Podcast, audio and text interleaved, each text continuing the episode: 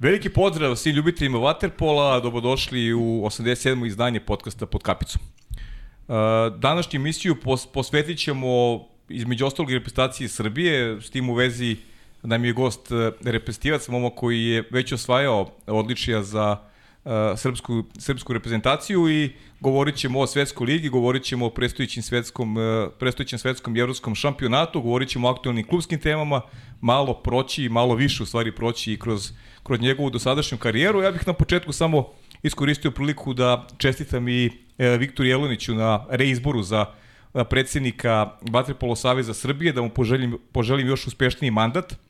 Kad kažem još poželjni, još uspešniji mandat, E, mislim na stabilnost pre svega e, domaćih klubova, na e, jaku ligu i naravno da sve to prati repestivni uspeh, a ako se stekne ovaj prvi uslov, čini mi se da će mnogo lakše e, doći do toga da reprezentacija nastavi sa, sa niskom dobrih rezultata. Naravno, Liga šampiona ulazi u završnu fazu, imali ste prilike da na program Sport kluba pratite mečeve pre posljednje kola, sada se definitivno znaju učesnici filmnog turnira u Beogradu, ali ajde sačekat ćemo tamo 10. i 11. maj da završi posljednja runda, pa da e, onda spoznamo ko će s kim odmeriti snage u e, četvrt finalu. E, toliko za ovaj malo duži uvod. Ja ću sada mikrofon da prepustim e, mojoj dragoj koleginici Sari Radović, da ona najavi današnjeg gosta, pa polako da ona i ja budemo u drugom planu u odnosu na, na momka koji se nalazi suprotno od mene. Zdravo Pavle. Drago Zdravo, mi što imam tako kolegu da može da, da ispriča takav uvod da ja ne moram pretarano da dužim. e, tako da sa nama u studiju na kraju univerzuma je reprezentativac e, Srbije i trenutno vaterpolista Partizana Nemanja Vica. Zdravo Nemanja, dobar dan i dobrodošao u ovaj naš studiju na kraju univerzuma. Hvala puno. E, pozdrav svim gledalcima i ljubiteljima vaterpola. Zahvalio bi se tebi Pavle i tebi Saro na lepoj dobrodošlici. Ovaj studio mi se baš sviđa Mm -hmm. Iskreno osjećam se ugodno ovde. Nadam se da nećete biti preterano agresivni sa pitanjima, pošto sam čuo da ih ima dosta, ali eto. Pa, Neće, bit fini da, da bi nam došao black, da. Tako je, e pa, e, bravo Sara, to je suština, da prema gostima treba biti fin, ugostiti ih lepo da bi oni poželi ponovo da dođu i to je neka suština ne samo ovog našeg podcasta, nego generalno studija na kraju univerzuma, želimo da budemo dobri domaćini. Tako je, ništa, ja tebi prepuštam sada da, da Ajde. da pričamo o tim aktuelnostima, pa ćemo se osvrnuti svakako na tvoju karijeru. Može. Ajde, idemo, idemo od, od onoga što smo, što smo najavili e, na samom startu.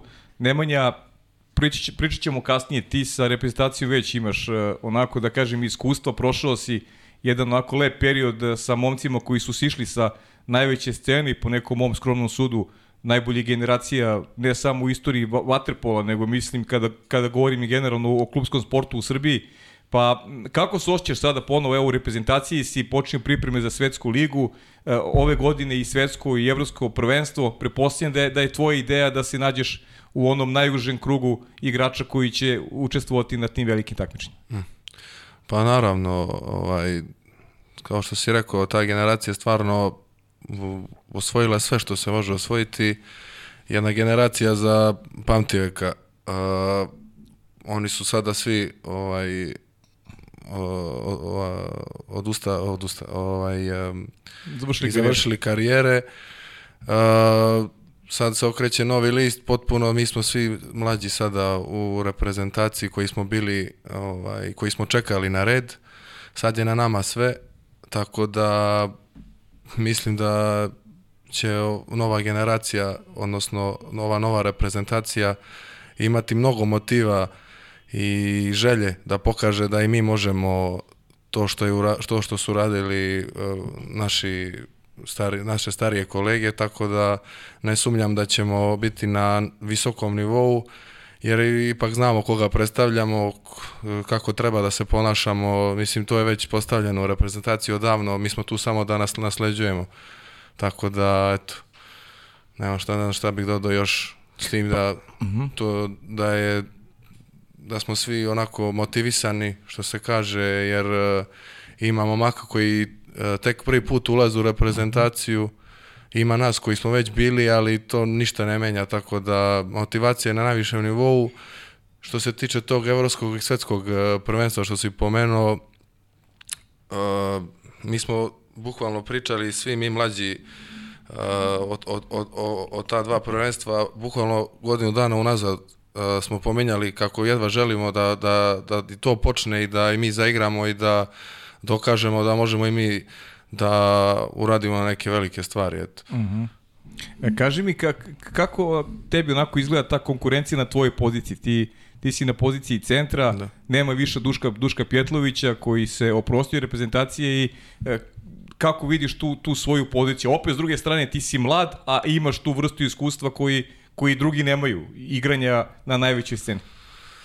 Pa, što se tiče uh, centarske pozicije, uh, ja sam uh, upao u reprezentaciju 2018. moje prvo veliko takmičenje za reprezentaciju, evropsko prvenstvo.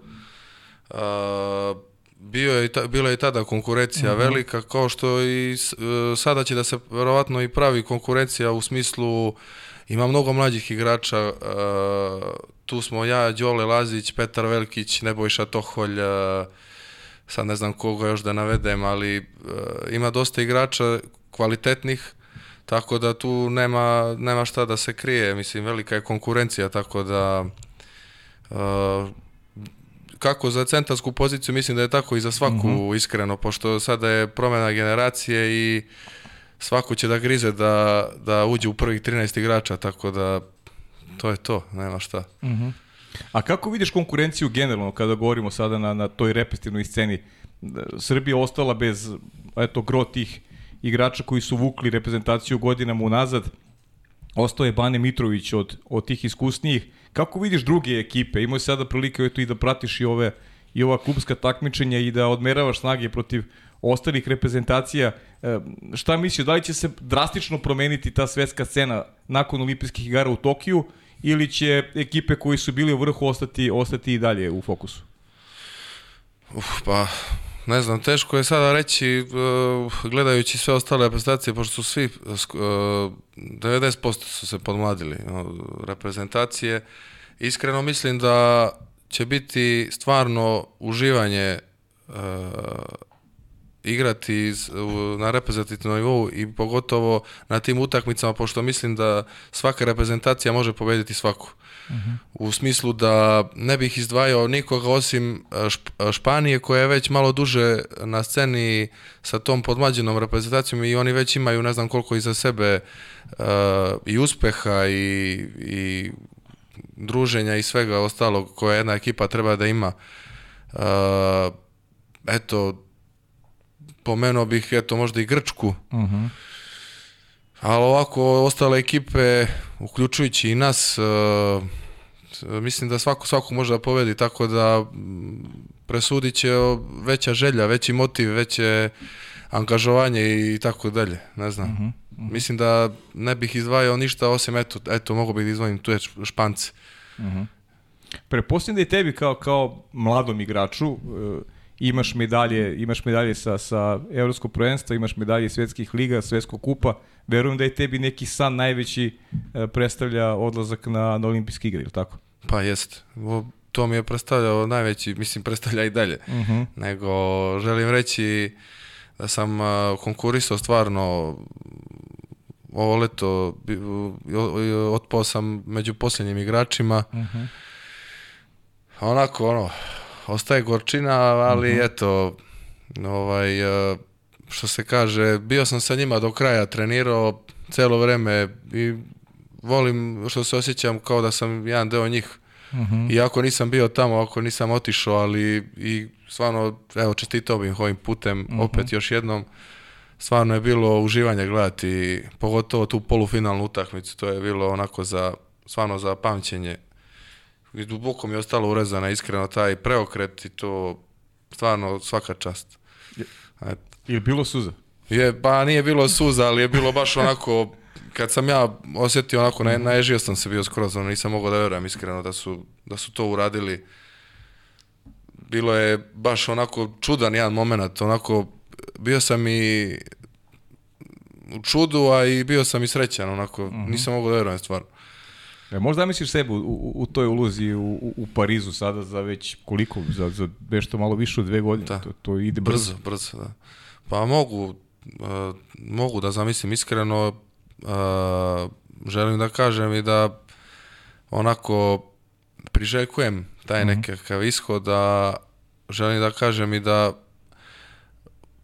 zbog ove promene generacije i svega toga onako uh, osjećam onako pozitivnu uh, Eh, energiju u smislu da se, da se to sad svelo sve na nas mlađe uh mhm. -huh. i da mi treba sad donosimo taj neki teret. Uh mhm. -huh. Kako bih to drugim rečima objasnio, znači dok su bili starije kolege to onako uh, mi mlađi smo malo uh, nije kao, ne mogu da kažem da nismo davali sve od sebe i to, ali uvek smo se oslanjali na njih da će oni možda u tim nekim uh, teškim trenucima da oni da reše neku mhm, situaciju i tako mhm. to. Sad je to sve palo na nas i ja se iskreno radujem tome i preželjkujem te neke uh, izazove i vidjet ćemo. -huh. Ali e, baš si dao sjajan šlagvort e, na, na tu temu jer već u Tokiju da budemo iskreni, se videlo koliko je bitan bio taj doprinos mlađih igrača. Jest. I vas koji ste prošli pripreme sa tom generacijom, da. mlađi igrači su izneli ogroman teret da. uh, onoga što je onako reflektovalo osvajanje olimpijskog zlata. I, i nekde mi se čini da da ste apsolutno spremni da, da, da, preuzmete, da preuzmete ključnu rolu, jer kad pogledamo i Jakša, i Manda, i Sava su odigrali zaista fantastičan da, da. turnir da. u, u, yes. u, u Tokiju. Recimo, ja sad možda sam neku zaboravio, ali eto, njih su mi prvi pali na pamet. Da, ma, ja bih dodao, eto, Strahinja Rašović. I Strahinja, da. bravo, eto, bravo, i Strahinja, da. On je, ovaj, stvarno, i zaslužio momak i sve, stvarno, odlične partije pružao, Uh, a ovo što si rekao za nas mlađe, pa da, većina nas je osetila taj neki žar velikog takmičenja uh, kao što sam rekao na početku, a, ima dosta e, igrača koji nisu zaigrali na velikom takmičenju, ali su igrali igraju i dalje na visokom nivou u Ligi šampiona e, imaju kvalitetnih utakmica, kvalitetno treniranja, e, tako da ja ne sumnjam u, u našu reprezentaciju niti u moje drugove. Uh mhm. -huh. e, mislim da smo spremni iskreno svi od prvog pa do posljednjeg jer nekako to se oseti, mislim da svako želi i mnogo je motivisan da, da ova generacija uspe. Eto. Uh mhm. -huh. E, koliko Nemanja može da vam pomogne o, ovo što se trenutno dešava u srpskom klubskom vaterpolu, a to podrazumeva jednu stabilnost, e, e, mnogo važno za vas da, pored toga što igrate jaku ligu, da su i ta neka primanja redovna, da su uslovi mnogo bolji nego što to bio da. slučaj da kada si morao da ideš kao jako mlad igrač da ideš, ne znam, Grčka, Italija, da bi pre svega uh, e, mogo i da napreduješ, ali i da sebe negde uh, materijalno u neku meru i obezbediš. Pa ajde, napraviš neku paralelu sa tim periodom od ranije i svojim što se dešava trenutno i da će Bog da potraje. Uh, pa, što se tiče trenutne situacije u srpskom vaterpolu, stvarno je a, mnogo, mnogo ovaj, se popravila na visokom je nivou iskreno. Imamo mnogo kvalitetnih ekipa, eh, Novi Beograd, Radnički, Partizan, Crvena zvezda koji su stvarno sastavljeni od dobrih i kvalitetnih igrača. Eto, pomenuo bih i Šabac mhm. koji je tu ovaj, eh, bio iskreno sad ovo iznenađenje šta je uskočio umesto zvezde u prve mhm. četiri ekipe. Eto, to je prvi pokazatelj da je o, postao izuzetno, izuzetno kvalitetan vaterpolo u, u srpskom prvenstvu. A, osvrnuo bih se, da, osvrnuo bih se na to da što se mene lično tiče, mnogo mi je prija ovaj dolazak. Uh mhm. -huh. A nekako sam, kako bih rekao, opušteniji u smislu da sam kući, da sam među svoje ljude, uh -huh. da mhm dobro treniram, da ne razmišljam uh, unapred u, u smislu dok sam igrao u inostranstvu. A uvijek treba ono razmišljati kad imam reprezentaciju. Mm-hmm. Uh, o, kako, kako bih objasnio, kad je reprezentacija recimo za dva mjeseca, onda razmišljam uh, treba dođem uh, spreman, treba ako se tamo malo slabije trenira moram moram nešto individualno mm, da mhm, radim. Da, mhm. i uvek sam razmišljao tako, uvek su mi bili, mislim, možda i malo i bežale, onako, što se tiče tih nekih stvari. A ovde u Partizanu, eto, stvarno uh, bih pohvalio ja nemam stvarno nikakvih zamerki, mene je mnogo prijalo ovo dolaženje ove godine u, mm -hmm. u, u srpski vaterpolo i srpsku ligu i eto, mm, osjećam se ovde mnogo dobro, osjećam se da sam spreman, osjećam se da m, mm, zadovoljno, kako bih, uh mhm. -huh. Drugo, kako bih rekao. Uh, ne znam šta si me pitao za, da uporedim inostranstvo. Pa ne, da, nego, nego da, da, da, da uporediš prosto, prosto moment kada si odlazio iz, uh, iz Partizana prvi put u inostranstvu i sada kada si se vratio da. koliko su okolnosti promenile uh, za, za, za vas mlađi igrači. Ili ti, ja, ja tebi i dalje stavljam u kategoriju da, mlađih da. igrača. Da. Pa i kako, naravno. Ja sam u Partizanu bio do 20, do 21. godine, 17. do 21. četiri godine.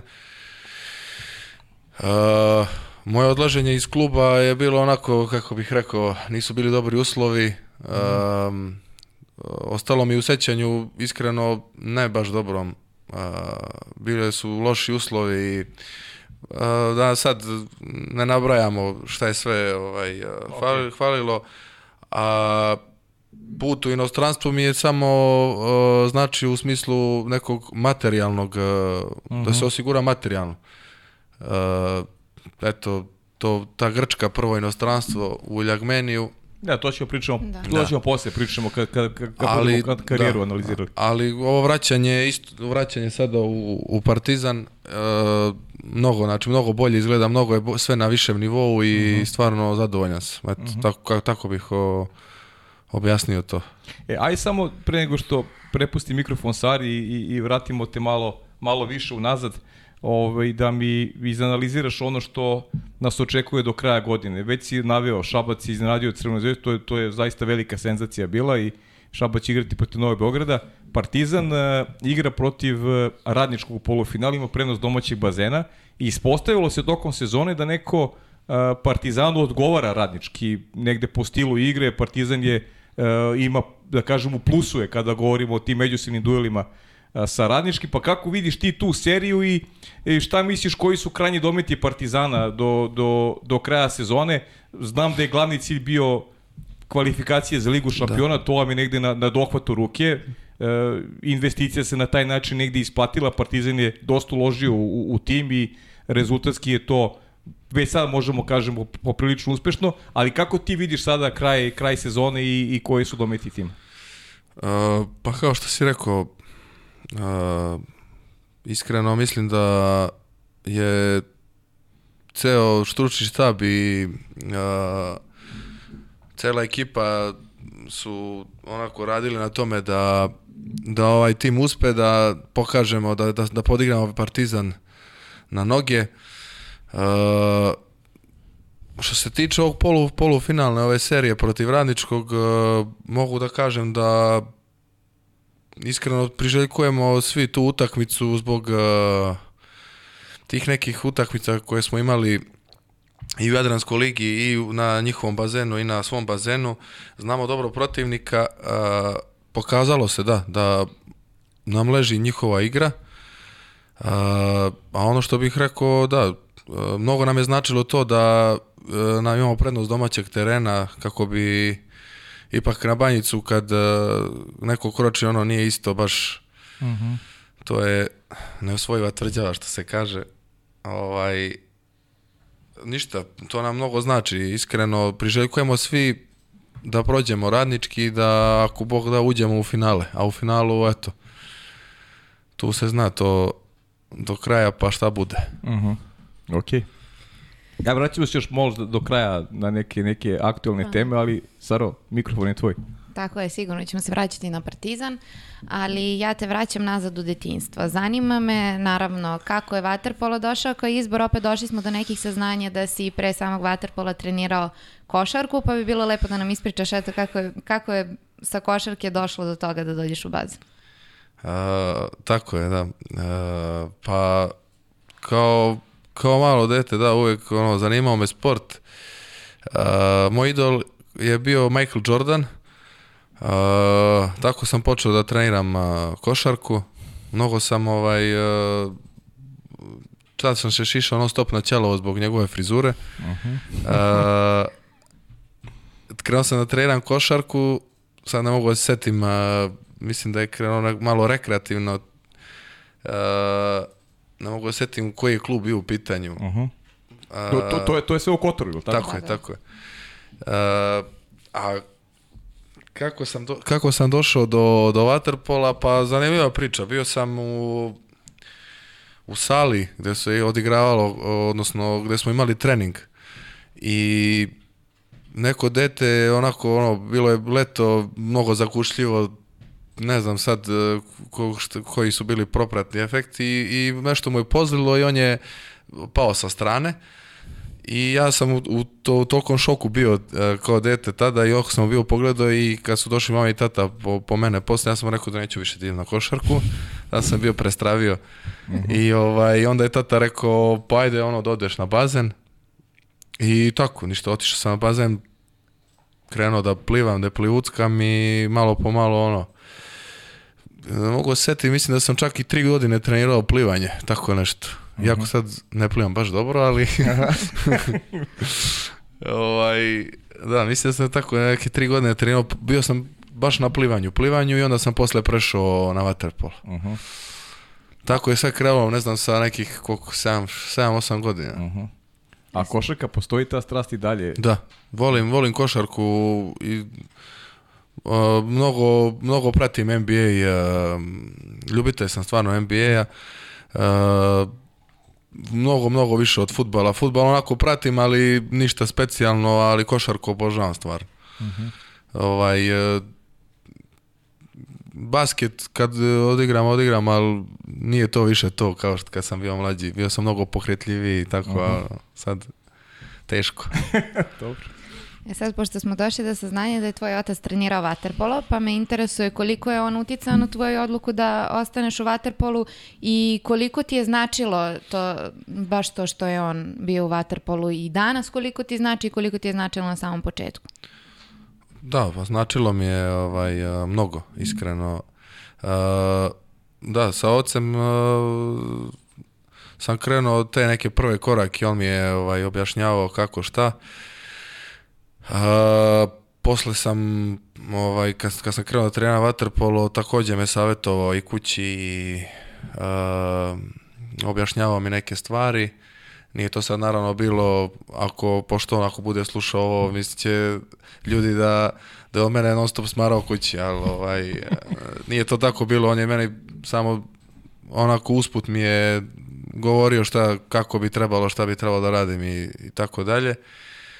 A, mislim da mi je mnogo pomoglo jer kao neko ko je bio u Waterpolu i pogotovo što mi je otac bio u Waterpolu, onako malo mi je bilo lakše da Uh, u smislu, bilo mi je mnogo lakše da, da stasam onako, da, da razumem neke stvari to, pošto mi on objašnjavao, tako da, eto, to bih uh, rekao što je vezano za to. A čekaj, Alan, tebi bio trener u tom trenutku u tim mlađim kategorijama, ako sam ja dobro shvatila. Mislim da je bio, nisam mnogo osjetim da sad tačno koliko, možda godinu dana ili mm -hmm. tako nešto. Dobro, godinu znači. dana, tako nešto. I uvek me, e, to me tada mnogo ovaj, nerviralo, uvek me najviše kritiko od svih. Naravno e, onako na svaku neku lošu e, na svaku neku lošu ili moju iskreno, moju neku facu koju mhm. napravim e, je onako histerisao, bukvalno. I znači to mi je bilo onako baš, e, baš mi je bilo, pogotovo što mi je ono tata i posle treba da idem s njim kući ono kolima, pa on u kolima nervozan, pa to je bilo znači ludilo. A posle je bilo ok, ono, kad sam, ali to po to, kad sam došao u Partizan i to, to ćemo... Da. A kaži mi, nekako je Kotoranima je neko prirodno stanište, voda, bazen, mnogo poznatih igrača koji su ponikli u Kotoru, imao si prilike sa nekima sigurno i da radiš i da, i da treniraš, pa verujem da si tu negde stekao i neke, neke idole kada, kada pričamo o, o, o, o samoj igri. Da, u Kotoru u Kotoru, da, u Kotoru je bilo baš dosta uh, momaka i mene kao klinca koji sam ja njih uh, gledao i kao poistovećivao se sa njima. O, pričam o momcima koji su, star, koji su stari trenutno od mene recimo 2-3 godine, ali kao mlađe kategorije oni su bili onako stariji od mene pa sam se ja njih, na njih ugledao, oni sada neki igraju, neki su batalili vaterpolo.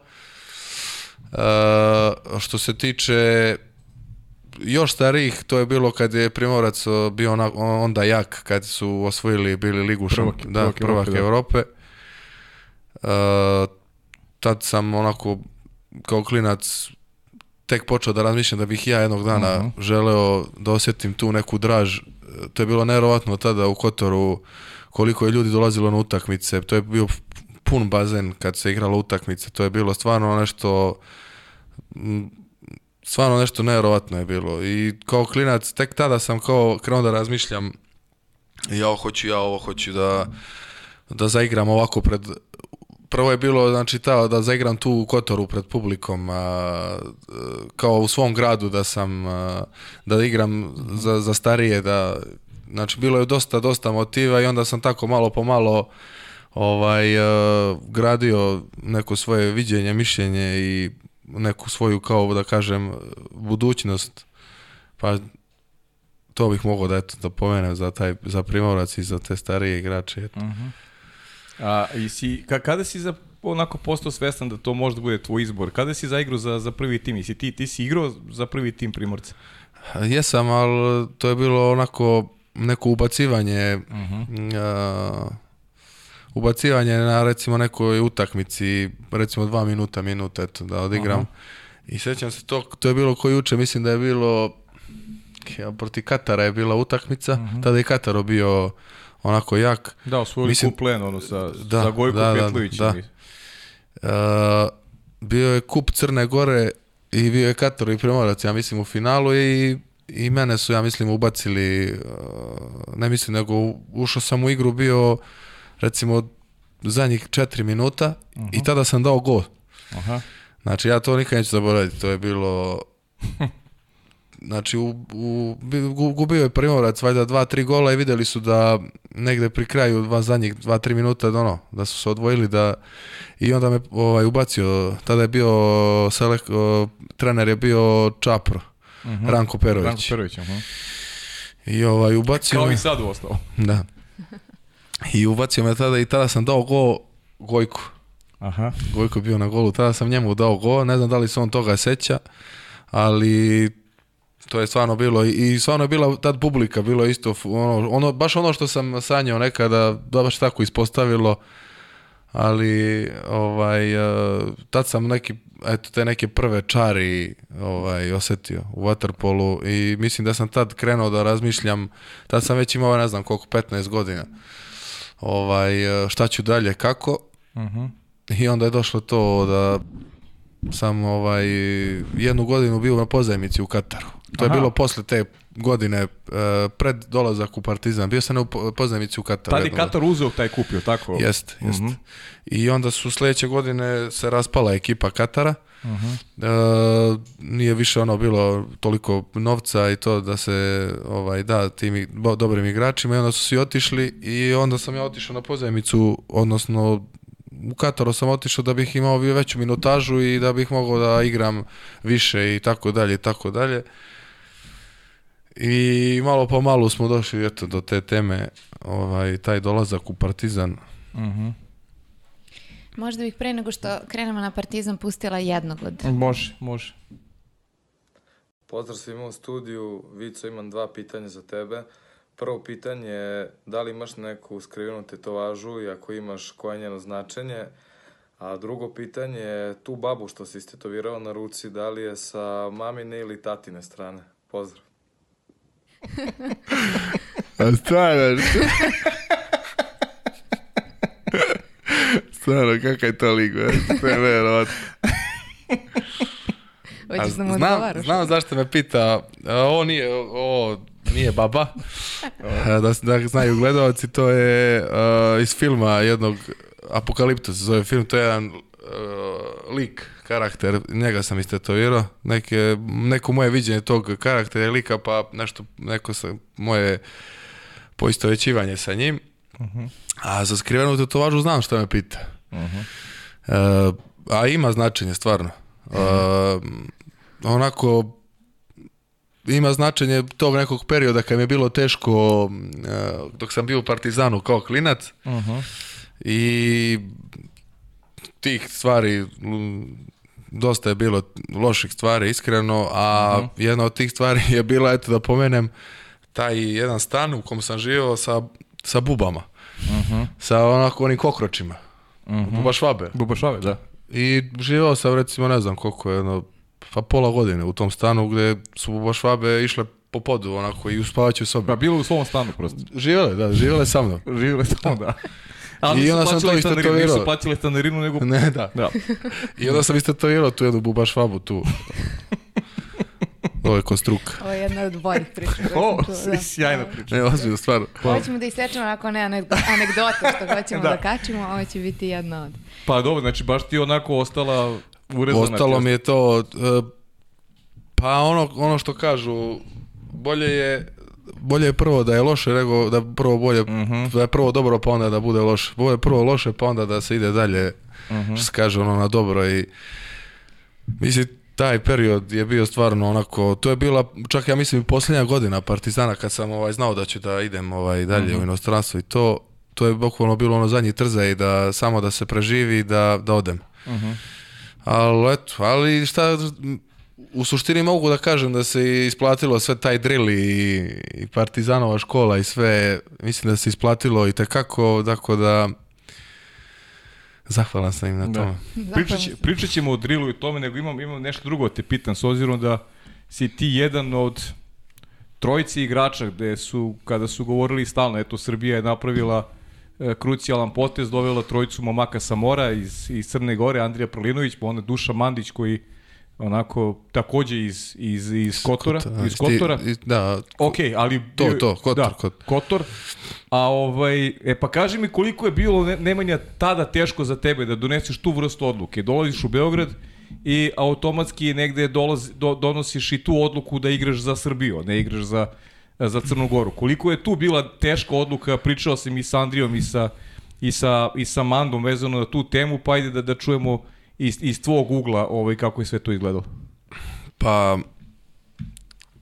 iz mog ugla onako, kako bih rekao, u, u Crnoj Gori u Crnoj Gori dok sam bio ovaj e, odnosno u Kotoru dok sam igrao za crnogorsku reprezentaciju sam bio pozivan za mlađe kategorije i mlađim kategorijama često sam ispadao, često sam imao malu minutažu, baš onako, uh mhm. -huh. što bi se reklo, malo šikanirajuće, ajde.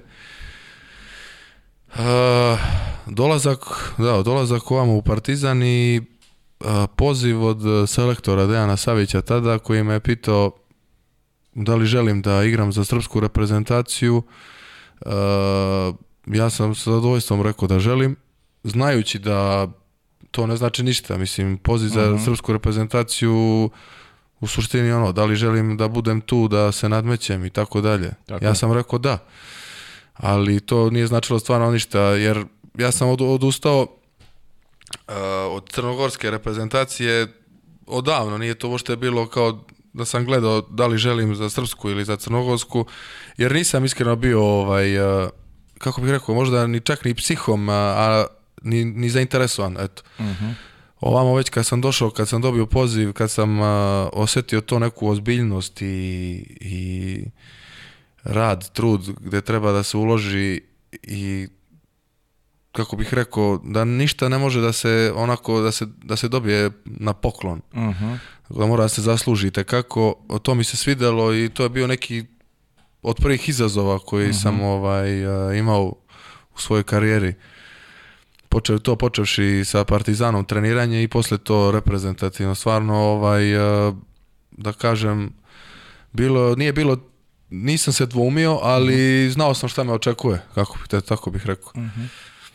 A ta, taj, taj drill koji si sad apostrofirao vezan za, za Partizan, šta je podrazumevao? Koliko se to razlikovalo od onoga što si radio, radio u Kotoru i kako si podnosio? Da li, da li tu sam mogu da nađem onu malo pređešnu tvoju uh, E, priču da je bilo teško, da, da je bolje što je tada bilo teško. Da, pa u Partizanu, kad sam, kad sam došao, tad je Partizan vodio i dalje Igor Milanović. Uh mhm. -huh. Tada sam bio u Banjici prvu godinu i tada sam uh, uh, trenirao sa Banjicom i ostajao sa prvim timom. Tako da, kako bih to rekao, neki dupli trening ono odrađivao i sa prvim, ili dolazio sa prvim timom pa sa banjicom ili ono obrnuto je bilo ovaj, posle toga je došao Vladimir Vujasinović uh mhm. -huh.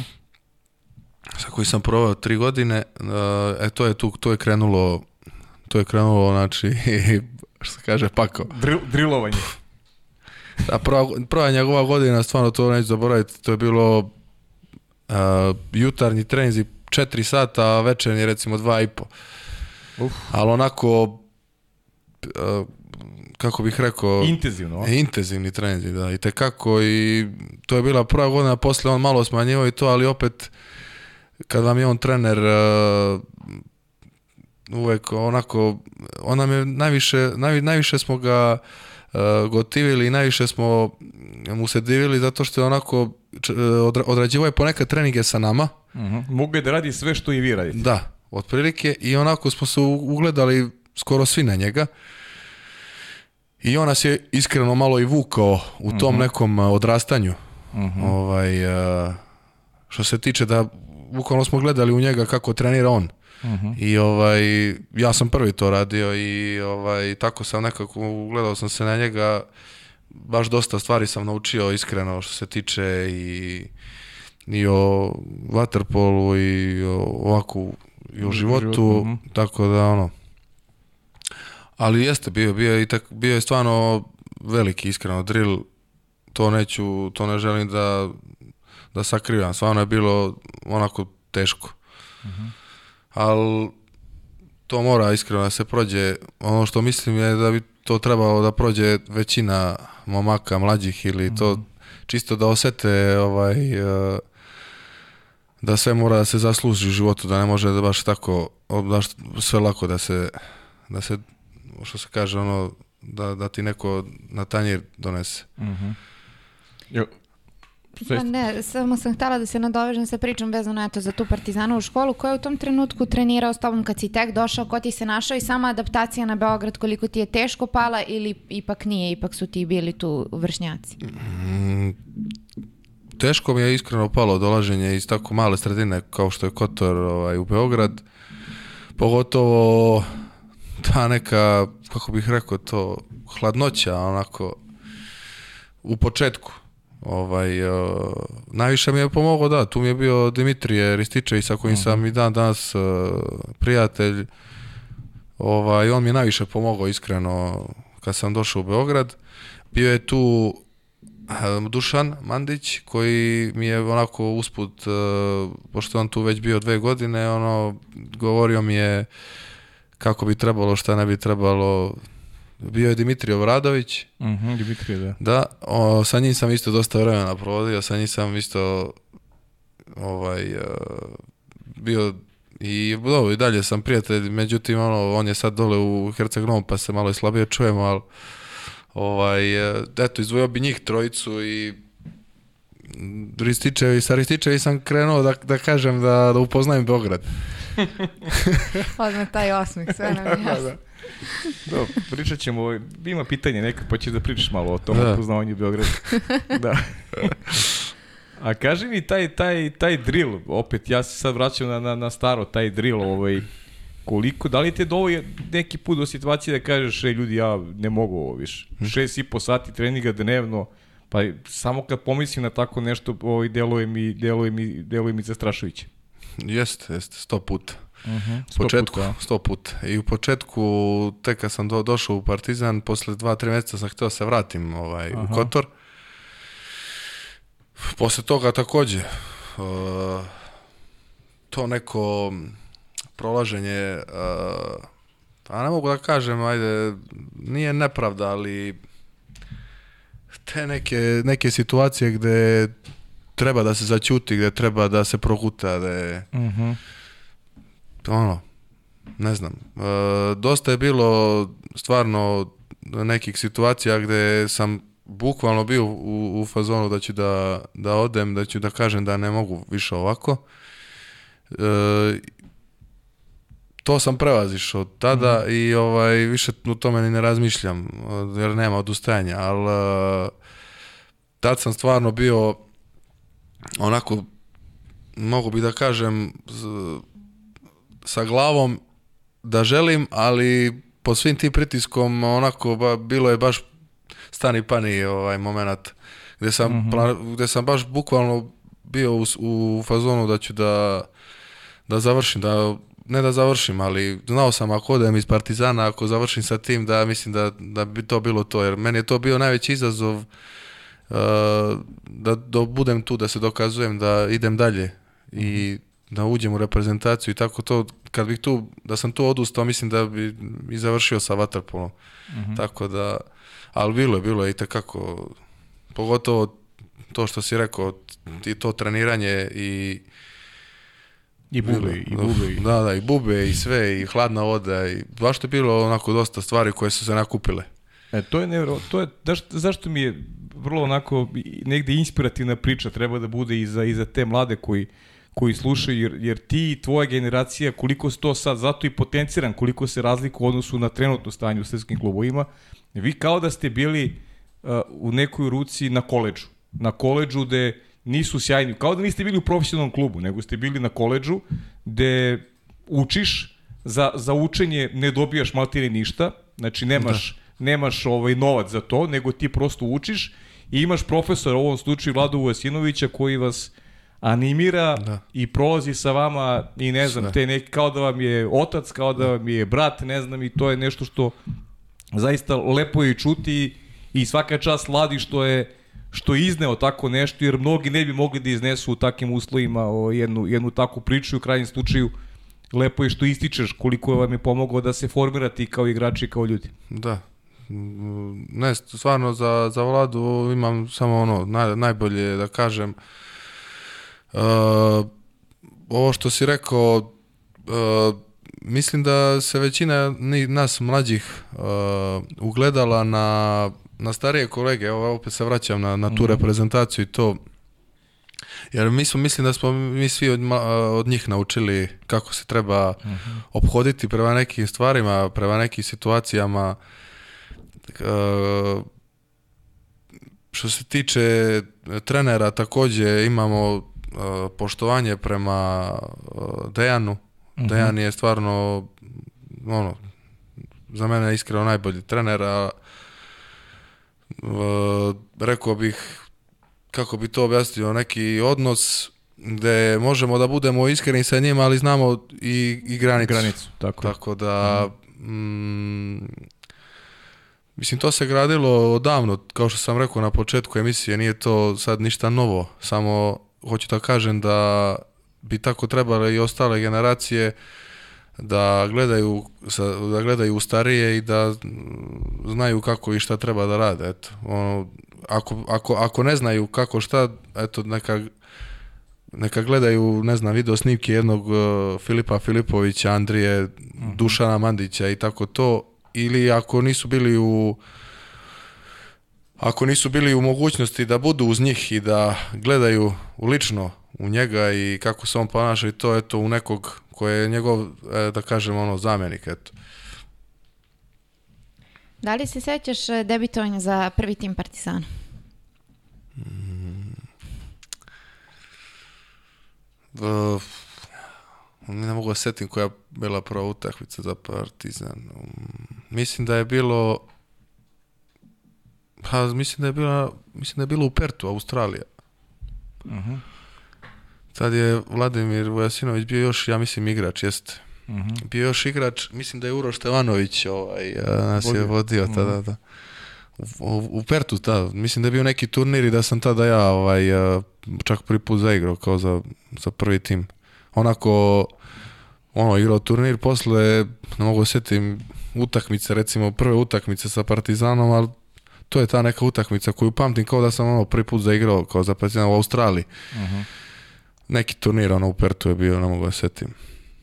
E sad, s obzirom da si sa Partizanom osvojio e, dva puta prvenstvo i jednom kup Srbije, e, šta bi izdvojio? Šta ti je onako ostalo baš upečatljivo kada se setiš tih trofeja? E, pa najviše... A pa najviše mi je bilo onaj pobeda protiv Crvene zvezde kad su bile pune tribine, taj snimak i dalje gledam na YouTube. Ovaj, tamo je bio neki preokret kad, smo vodili, kad su vodili 4-1 pa smo mi prokrenuli na 6-4, tako je nešto bilo. Mogu sad tačno da se setim. Tad je baš ono mi ostalo... A prvi, a prvi trofej je bilo kad smo pobedili radnički 3-0 u seriji, u finalnoj seriji. Pa, pa i, i to niste bili favoriti ni tada? Ne. A, bila je prva utakmica smo pobedili uh, tamo. Pa smo onda kući pobedili na peterce. Soro kad je branio. Soro kad branio glavom. Uh mhm. -huh. e, I onda smo tamo ovaj, pobedili zadnju utakmicu i da, tad je to je bio prvi. To je prvi. možda Mandina posljednja sezona. E, ja mislim, da. Jeste stigli ti Mandu u Kotoru? Ne, ne. Ne date se odatle. Nismo, nismo.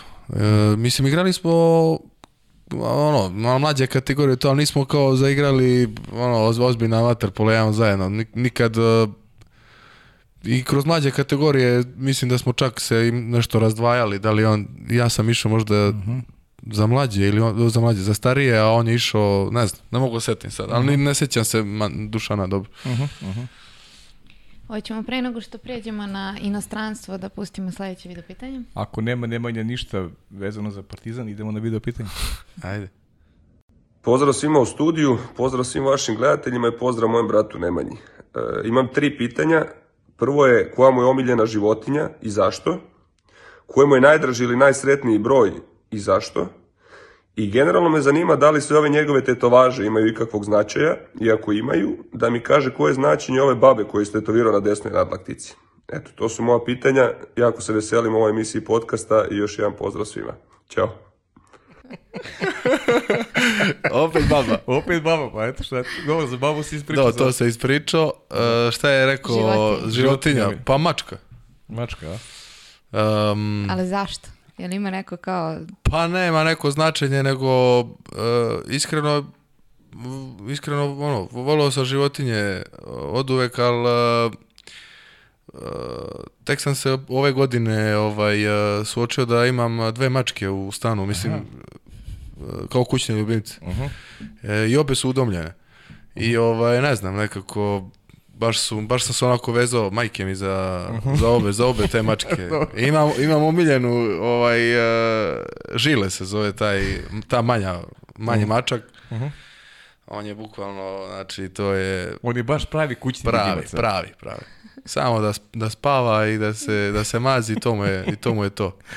Ti se poistovećuješ sa mačkom. Da, da. A, I omiljeni broj. I omiljeni broj... Uh,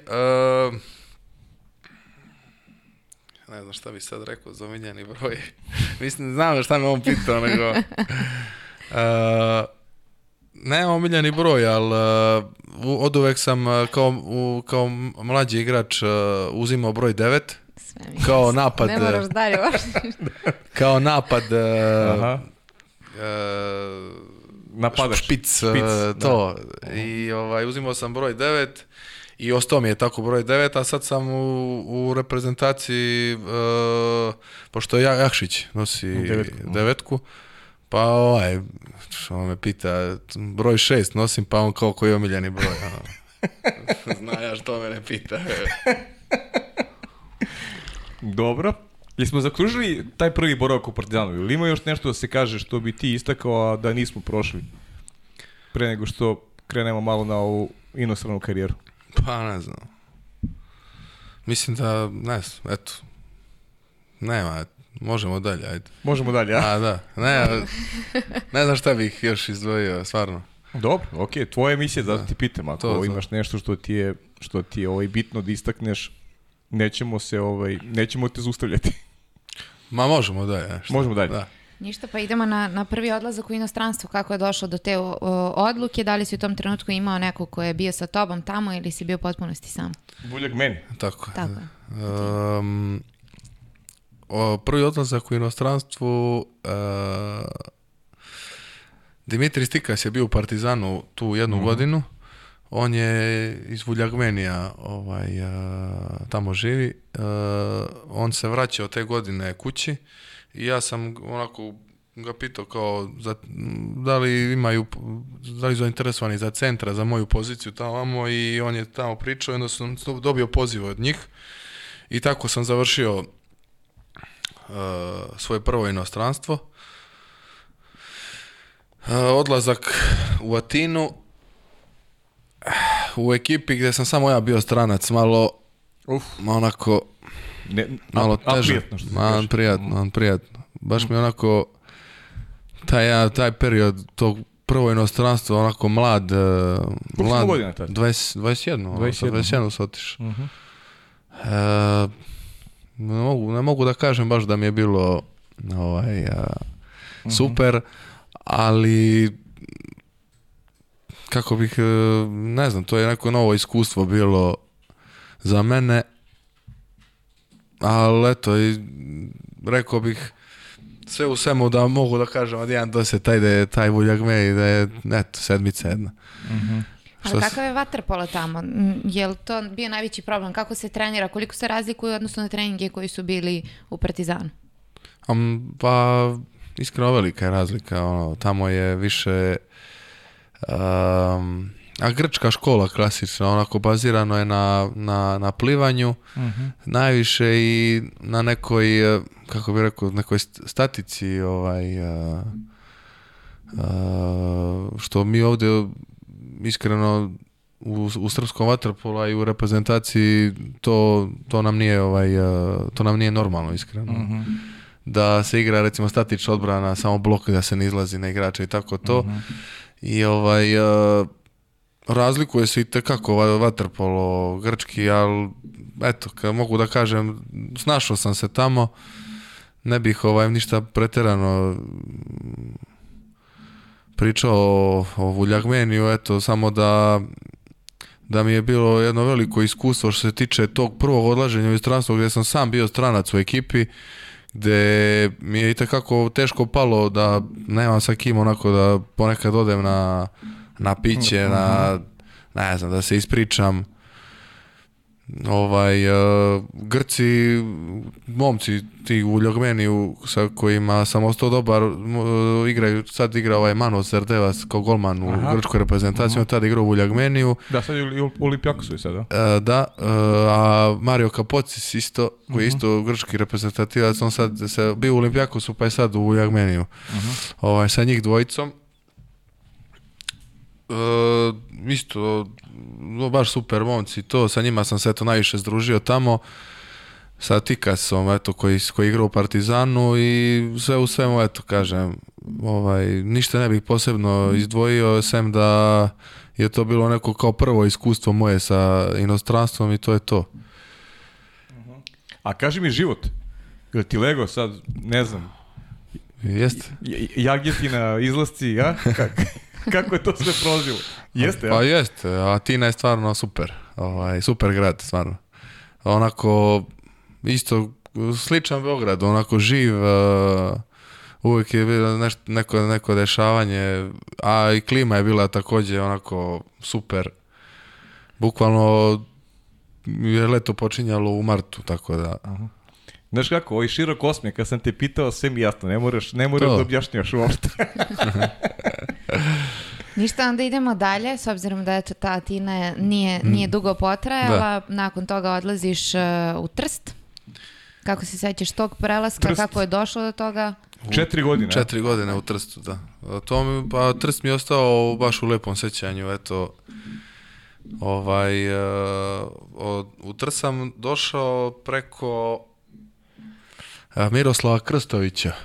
Aha, bivšeg igrača da, Partizana, da. Da, i uh, Dejan, me je, Dejan me je rekao, selektor, uh, Dejan mi je rekao da bih mogao da se javim uh, u smislu da, da Trst traži centra. Uh mhm. -huh. I ja sam poslao Miroslavu poruku i on je odmah kontaktirao menadžera tamo u Trstu I ništa, dogovorili smo se i to je moj prvi dolazak. Tad sam došao u Trst sa Draškom, sa Draškom Gogojem. Govim. Mhm. Da. Mm -hmm. Sa njim i sa njim sam delio, sa njim sam bio u stanu. Delili smo stan, bio veliki baš stan. Ono, dve sobe, dva kupate, ba, baš je bio veliki, tako da ovaj nije bilo ono kao, da kažem, problema. E, šta još mogu da kažem? Da, tad je bio, znači u stranci smo bili ja, Draško i Nino Blažević koji sad igra negde u, mislim da je u Nemačkoj, uh mhm. -huh. za koji klub. Ovaj, on je Hrvat. Uh -huh. um, šta mogu da kažem, da, to je ta prva godina. E onda je, kako se zove, uh, druga, kad druga godina krenula, tad je došao trener uh, Italijan, uh mhm. -huh. Daniele Bettini, ovaj, sa njim isto sam ono, super odnos imao. Uh, što se tiče momaka iz Trsta, isto stvarno, baš su dobri momci, onako, osjećao sam se iskreno u Trstu, eto, baš onako prijatno i uh mhm. -huh. baš su, da kažem, baš su mi ugađali iskreno ovaj, ljudi iz Trsta i oni, jer oni su onako, kako bih rekao, privatan klub, e, nekako su kao mala porodica, onako, oni kažu sa Četa, ono, Trijeste, uh mhm. -huh. nekako su svi tu, e, pričao sam ti ovo pre nego što je krala mhm. emisija, da oni se tu drže svi zajedno iz Trsta, onako, neka atmosfera bukvalno porodična, ono, kako bih rekao, tako da... Trs mi je ostao baš, baš u dobrom sećanju. I što, a što se tiče grada, isto. Je onako baš lep da se, da, da ode, da, da ko nije bio, da se vidi, da da se popije kafa na pjaci unita i to, ali uh, u poređenju sa Atinom uh, je loš. Ma, pa, ma, da. ma loš. Ma, da, da. za, za neke druge aktivnosti da, noćni da, život. Da. Jeste, ono, ono je mir. Ali dobro, mislim, lokacijski ti je dobar. Lokacijski je tu blizu da. uz uz granicu sa Slovenijom da. imaš tu mogućnosti Udine, nisu daleko, da, u da, krajnjem da, da. slučaju ni Venecija nije je daleko, sve ti Venecija, neko, da, blizu, sad, sad mo, more ti je tu, da. brda su ti blizu, i na skijanje, stvarno je Trst idealna Jest. lokacija za neki, za neki život. Jeste, jeste, pa zvali su me dosta puta ovaj, um, i ovi momci što što su igrali tamo stariji, oni su išli sa, sa porodicama pa su me pozvali eto, setili se ovaj, da pozovu stranca, ja to stvarno cenim kad eh, se sete tako Just. nekih stvari. Ovaj, pozvali su me sto puta da idem tako s njim na, na planinu, ne znam, na neki mm -hmm. roštilj a, eh, i, i, tako te neke stvari. Stvarno, onako, kako, kako bih rekao, a, eh, da se vratim, ajde, na sekund ovo, što se tiče Partizana, koji god stranac da je došao u Partizan, nikad se iskreno nije osjećao kao stranac. Ja, što se tiče moje lične, mm -hmm. ovako, kako ja vidim to, iz moje lične perspektive, mm -hmm. jer uvek smo mu tu bili i kad mu treba nešto i kad bi on, i kad bi, i kad bi on izašao i kad uh, uvek smo bili tu da neko, Bravo, da, da. da, neko to uskoči. Uvek. Mm -hmm. Znači, za bilo šta. I iskreno, Uh, zašto sa ovo Atinu sam ajde kao nešto, zato što nisam se osetio tamo baš onako... Prihvaćenim i onda u Trstu je potpuno drugačije bilo. U Trstu sam stvarno ovaj, uživao, iskreno. Mm. E, to je mnogo bravo. Otvorio si jednu temu koja je zaista super tema. Veruj mi da mi nije palo na pamet, evo, ovih 86 da. epizoda ni jednom da, da je potenciram. Koliko se osjećaš kao stranac, znam da su ovde stranci ne osjećaju tako, naprotiv, da, da. smo mi takav narod, prosto da. E, čak smo nekad, što mene strašno nervira, smo nekako blaži i, i gledamo uh, to, da onako, da se da. naljuti neko. Da. Bravo, kao, kao gledamo, negde ćemo pre da prihvatimo stranca nego, nego svog čoveka. To je zaista, to, to meni smeta, baš, da. baš mi smeta. I, I super si temu otvorio jer eto, ti si jedan od retkih koji je rekao da se negde nisi osjećao prosto prihvaćeno i da je teško biti ovaj stranac da. biti u tuđoj zemlji. Ma jest, iskreno. Jer e, ovo, ko, im, ko nema problema sa tim u smislu lično kako se osjeća mm -hmm. i mhm. kakav mu je duh i šta, i šta li ja znam. Uh, što se tiče utakmica, isto, manje više isto u smislu uh, ako to mogu isto otvoreno da kažem. Mm -hmm. Ako se izgubi to, prvo koga će da pokažu je stranac. Strane, da. Mm -hmm. A u, u smislu ako se izgubi i ako je nešto bilo loše, prvo će da kažu a, on nije ne znam da nije dobro odigrao, nije dobro plivao, nije do, dovoljno dao golova, uvijek mm -hmm. će da mhm. nađu nešto. Nije mm -hmm. bitno Uh mhm. -huh. Šta? Nije šta da. A sa tim sam se suočio, nije da se nisam suočio i u Trstu, mhm. ali u Trstu su bili mnogo onako, u smislu blaže, nisu oni sad nešto mnogo ovaj, to potencirali, ali isto bilo i toga, ali sve u svemu kažem, stvarno mi je Trst ovaj, ostao u, uh mhm. -huh. u jednom, jednom, baš, baš lepom sećanju. A e, da, koliko ti to gradi, to ti gradi karakter negde, negde, te, da. negde da. ti jače, ti si kao mlad, ti si se suočio sa tim stvarima da možda raspoznaš da. ovaj, gdje si šta si i, i kakva su očekivanja Tako. od tebe. Mm. Jesi naučio jezik? Jes, jesam. I jezik sam ovaj, učio davno, ja još u srednjoj školi, kao, iz, mhm. kao izborni ovaj, uh je bio predmet, italijanski. I onda tamo kad sam došao, baš sam onako lagano, posle možda dva meseca, tri meseca sam krenuo da pričam sve. Uh Jer ja sam dosta, kažem, dosta sam ovaj... Uh, razumeo, ali nisam ovaj mogao mogao da da pričam u smislu da rečenica vreme i to mm -hmm. da mhm, da stavim, mhm. pa vremenom sam uklopio kako šta. A što se tiče e, vaterpola e, uh -huh. i mhm. treninga, kako je to izgledalo uh, u Trstu? Uh, u Trstu, pa dobro, jedino što jedino što me onako malo odvraćalo od svega toga je što Naprimer, e, potencirali su tu jednodnevnu, jedno, jednom dnevno da se trenira. Mm -hmm. I onda je to onako, koliko god e, jednodnevno, ne znam kako bih to objasnio, recimo ponedjeljak jedan dnevno, utorak dva, sreda jedan, četvrtak jedan i recimo petak ako imam utakmicu subotu isto jedan i eventualno dva ono ponekad. Onako Ma, malo treniranje. Malo, da. Iskreno, za, za, visok, eh, za, za, za visoko ovaj, eh, natjecanje i za neku spremu, mislim da mora dva puta da bude iskreno bazen. Mm -hmm. Mislim, jednostavno, ne znam kako bih rekao, meni nije prijalo. Možda, na primjer, da je možda bio jači intenzitet tog jednog treninga. Uh -huh, uh -huh. Možda je bilo drugačije, ali ja sad govorim za, za trst uh, kako je bilo. Mislim da intenzitet treninga nije bio dovoljno nag da bi se moglo jedan put trenirati, kako bih jasno, drugim rečima rekao. Jasno, jasno. -huh. Mhm.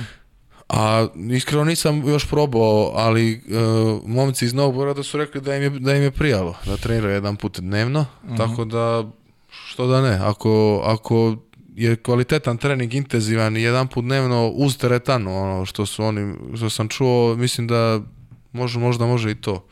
Da, u da, da, partiju... Nije to dugo trajalo. Da, part... da, da part... se vratili. Da, vrataju se na dva puta. Da, a u Partizanu, u Partizanu isto treniraš dva, dva puta. puta dnevno, da. Pa do, to je neka, da kažem, dogma neka e, jugoslovenske, da, da. kažem, da. škole vaterpola. Da. Kad se nakupi, mislim, kad se nakupe intenzivni tranzit, onda se da, recimo, jedno veče slobodno, ali mhm. uh -huh. manje više sve, dva puta dnevno. Uh mhm, -huh. Mhm. U, sad mi, sad mi pitanja, ovaj, ali ovo, to smo, negde, negde smo i prolazili ranije, da ta neka usporedba, recimo, to neke italijanske škole u odnosu na, u odnosu na našu srpsku, koliko se, koliko se tu razlikuje ovaj, kada govorimo o neku, nekoj suštini igre. To često ljude zanima da čuju od, od vas koji ste igrali, ove konkretno je tu Italiji koja je veliki rival Srbije već mhm, da. mal, maltene od, od, od vajkada. Pa iskreno Italija igra ovaj pogotovo e, italijanski timovi, taj Proreko i Breša igraju stvarno na visokom nivou, stvarno mm. su baš, baš kvalit, dve kvalitetne ekipe. Ovaj, za ostale ekipe u Italiji ne mogu da kažem onako ništa sad specijalno, ali njima se da, bazira im se igra znači na to na tom plivanju i na tom skakanju po glavi dr, što kaže mhm. drpanju ovaj mm -hmm. malo agresivno igri, ali sve na ivici tog isključenja koje se Italijanima stvarno i u, šamp, u, u italijanskom šampionatu ne, ne, ne svira mnogo. Mm -hmm. Znači, kako bih rekao, moja kao centarska pozicija, uh, jako sam imao nekog beka koji je uh, slabiji i dozvoljavalo se recimo da igra agresivnije. Da ti skače po glavi. Da, da. Dozvoljavalo se da igra agresivnije. Jednostavno, uh, tako, tako su navikli, tako se njima bazira, tako igra što i tako igra manje više iskreno i reprezentacija Italije, mm -hmm. tako mhm. da... Mm -hmm. Koliko puta je došlo da, da, ču, da ono koji te čuva da ga da mu da, kažeš da, da, da, da, da, da, ga zvekneš, da. da. da, ti ono, da ti muka od, od udaraca muka, muka, koje si da. dobio, jer, jer ti si baš na specifičnoj poziciji gde ruku na srce dobijaš dosta batina, da, da, da, budemo, da. da budemo iskreni, da, da, da prevedemo onako slobodnim rečnikom. I gde treba i, i to za batine ajde, ali treba istrpeti ovaj... Uh, eh, uh mhm. -huh. ko, koliko propuštenih napada može da bude u smislu uh, da ne bude gola i tako to, da. a, a da 30 sekundi uh, radiš tamo sa samo, mislim, mhm. biješ se, rvaš, e, tamo vamo. Ajde, ne dođi loptu. Baš je malo, da, iskreno malo pozicija gde treba imati malo psihije. Ovaj. Uh -huh, uh -huh. I kako se boriš sa tom psihom? Ma, dobro. A, naučio dobro, si dobro, već. naučio dobro, ja. naučio si i da vratiš. Bilo da, neki, malo, da. Jel, naučio, bilo neki moment onako baš specifični iz koje pamtiš, da ne znam, neki udarac koji si dobio ili da te neko baš nervirao u bazenu mnogo? Pa pamtim jednog igrača, da, najviše. To, dok, dok sam bio u Partizanu, još uh mhm. -huh. vraćam se opet, protiv Primorja smo igrali, tad je Primorje bilo jako, kad god da smo igrali, hoću reći protiv njih, e, Antonio Petrović. Antonio Petrović, da. Ja, crnogorski pesivac. Da, on me uvijek maltretirao. Jeste. U smislu, to je znači bilo, ja su, a, a, nije da nisam ja vraćao, vraćao sam naravno, da. nego, eto, njega pamtim, ovaj, uh mhm. -huh. koji, koji, je išao da, da, da, da, da, ono, da da, da, da, da čupa, da, da udara, da, tako. Stil, italijan, stil igre, stil igre, italijanski da. stil igre. Da, da, da. A za neke ostale sad znam, Pa ne znam, ono, eto, pomenuo bih samo da mi je bilo najteže igrati protiv, e, najteže u smislu onako uh mhm. -huh. da sam se osjetio nemoćan, nemoćan u smislu, aha. protiv Ivovića. A, protiv Leki. Uh mhm. -huh. To su mnogi rekli. Da. Stvarno je prejak, prejak je stvarno. Da. Nema šta I, da kažem. I, I sad u, u ovim, ajde, da. kad, da se ne naljuti godinama, malo poznijim igračima, ajde tako da se izrazim. Spreman prejak. je i dalje vrhunski. Spreman, prejak. prejak. Jeste. Ništa, vraćamo se sad, e, mene interesuje šta je razlog odlaska iz Trsta s obzirom da si sam naglasio da, da ti je sve to prijelo, je li korona uticala na to, da li je tebe uopšte korona ta zahvatila tamo, jeste?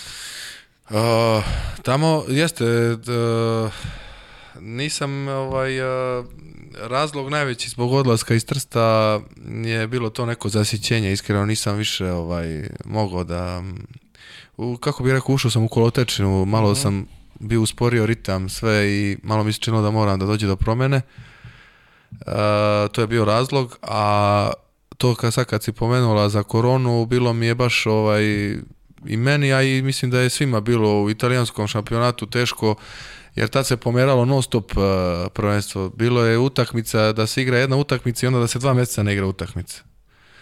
Pa se onda odigra recimo četiri utakmice u roku od dve sedmice pa se onda posle toga opet ne igra mjesec dana i sve tako onako pomerali su zbog korone uh, pošto znamo svih da je Italiju baš jako bilo udarila korona pa su mhm. se oni mnogo pribojavali da se ne vrati i tako dalje tako da bilo je, to je bila mislim da poslednja godina ovo kad sam bio mm -hmm. ovaj, poslednja godina koju sam odigrao u Trstu je na, na taj fazon smo ovaj, mhm. odradili mm -hmm. Ma, bilo je baš teško iskreno katastrofa mhm. I onda se vrati opet Partizan, je li da, tako? iskočio Partizan i eto. Da. Iskreno kažem, pravom baš, trenutku. Da, pravom baš sam trenutku. ovaj e, baš sam srećan i osjećam se zadovoljno u Partizanu. Baš su se podigli u smislu svega, iskreno. Uh mhm. -huh. Ništa nam ostaje, samo da, da poželimo da to nastavi u tom smeru. Da. Pa da potrajde, nešto smo i pričali, ajde, ono, pošto ljudi i zanima generalno E, kakvi su ti planovi, da završimo ovu klubsku sada priču, kakvi su ti planovi za, za narednu sezonu, ili postoji neka, neka vrsta dogovora ili, ili još ne znaš ni sam? E, pa ne znam, ne znam i dalje ništa. Ovaj, uh, iskreno, sačekao bih da vidim šta se dešava sa Partizanom. Uh, pošto kažem, ovaj, iskreno baš sam onako zadovoljan što se kaže lično. Uh mhm. -huh. Ovaj, uh, sačekat ću da vidim sa Partizanom, a ako, daj Bože, a ako ne bude ništa, tražit ću opet da vidim da idem negde da igram, Aha. Mhm. ali ne bih išao, sada da kažem vama, ne bih išao recimo da igram a, opet a, e, taj neki trst ili mm -hmm. išao bih neki jači klub u smislu ambicija. ako bih mogao da ambicija recimo da barem da igram len len kupa barem da igram mm -hmm. bravo Len Kup, a ako upada nešto za Ligu šampiona, to ekstra, ali eto, Len Kup neki, to bih najviše ciljao. Da, da, do, da ostaneš, da, ostaneš da, da. onako, da, da. budeš na, na, na radaru, da. što se kaže. Mm. Ok, pa eto, to ti, to ti želimo da bude tako, pa samo da ono što što je najveće želje nas ovde da srpski klubovi i dalje budu jaki, stabilni i da to bude onako jedan duži vremenski period. Nadamo da. se da će da će tako i biti, a i samim tim da i vi budete zadovoljni. Zašto da igrate, da se osjećate loše u inostranstvu kad može da vam bude da, dobro ovde. Da. To je suština.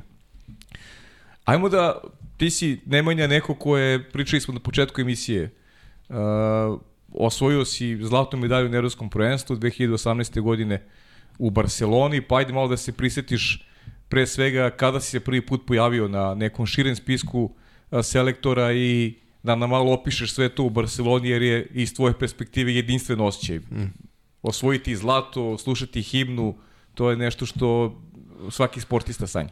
Jeste, jeste, ovaj, e, pa bio sam na, da kažem, e, na tom širem spisku e, od onako širem, širem u smislu mhm. da sam do kraja išao svake pripreme, recimo, mislim da je prvo bilo 2017. Uh -huh.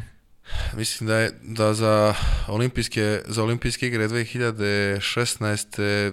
mislim da sam posle 7 dana ili tako nešto, ne mogu da setim sa tačno. Da, tu su Boba Nikić i Dule Pjetlović. Ma išli. da. A 2017. da, e, tu nisam upao, a onda je došlo Evropsko prvenstvo, 2018. Uh -huh. Evropsko prvenstvo, Sećam se, to letom isto onako ostalo, verovatno i zbog tog, te osvojene medalje i to onako tenzično vrelo i znači baš mi onako ostalo up, up, upečaćeno ovaj a, taj te reči selektora kad mi je rekao da recimo da sam prošao da idem na na evropsko prvenstvo to isto ono dečački san ono bukvalno mm -hmm baš e, neki osjećaj onako za, zadovoljstva, a opet e, treba izgurati uh mhm. -huh. ipak treba sada Opraviti predstavljati, da, da, opravdati očekivanja, reprezentacija i, i sve to.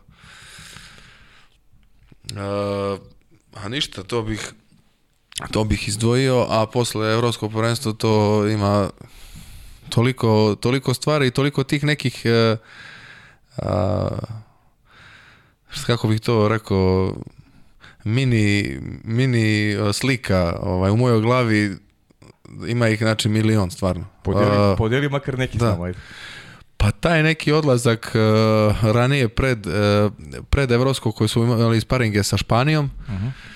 pa smo bili smešteni u tom nekom hotelu bukvalno ko vojni hotel, znači -huh. Mhm. samo kreveti i, i dole je bila menza ovaj ono, da ide ovako, da idem i da mi oni sipaju i to, pa onda, pa onda teretana, pa onako bilo, mislim, to prvo uh, suočavanje sa, sa svim tim, ono veliko prvenstvo, znači, toko mi je bilo, toliko sam bio pod tenzijom, sećam se uh, da sam teško i, i spavao iskreno, znači, toliko mhm. sam bio pod tenzijom da onako krenem da zaspem i koliko sam pod tenzijom da se trgnem.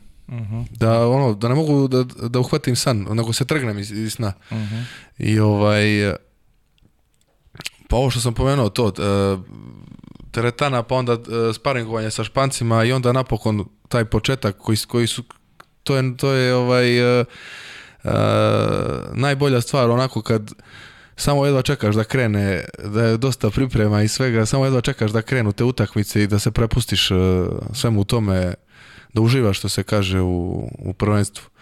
Ovaj, ništa, onda je krenulo prvenstvo i sećam se tog četvr, dolaska do četvrt finale protiv Mađara, uh mhm. -huh. gde sam ja Andriju pitao u sobi kao Andrija, hoćemo kao pobediti ove Mađare, kao Slav nisu baš ono kao došli u full sastavu, sećam se da su bili tad nešto u lošem sastavu došli. Uh -huh. U mhm. smislu nisu bili ovi jaki igrači. Uh mhm. -huh. I Andrija koji mi kaže, ma opusti se, od, dobijamo ovo. I onda neko otvaranje je bilo, ne znam, 4-0, 5-1, tako nešto. Ja ono na klupi već krećem uh, ono, radovanje. I onda polufinale Hrvatska.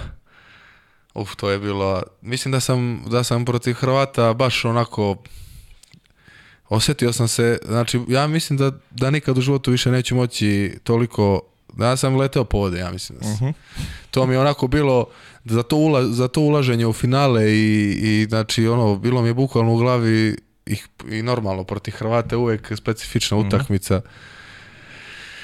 I isto tu, tu, sam, pa, tu sam par puta e, onako fleševi mi se javljaju ovaj, sećam se da je tad e, Filip dobio udarac gde sam mhm. ja bio iza, iza Filipa ali toliko mi je bila puna atmosfera da ono kako sam čuo plivaj, plivaj gore u napad, odbrana napad ono, udarac i niko nije stao. I ja sam ovako bio u jednom momentu, čak ima i na sniku kad sam gledao na YouTube, ovako, ovako sam bio stao, ovako sam pogledao, digao ruku ka sudi i bukvalno sam nastavio da plivam i ono razmišljam u sebi kao šta se des, desilo upravo, ono, no, da, udarili su ga. Da. Što nije zaustavio, ne znam, isključenje i to uh mhm. -huh. nije bilo jasno.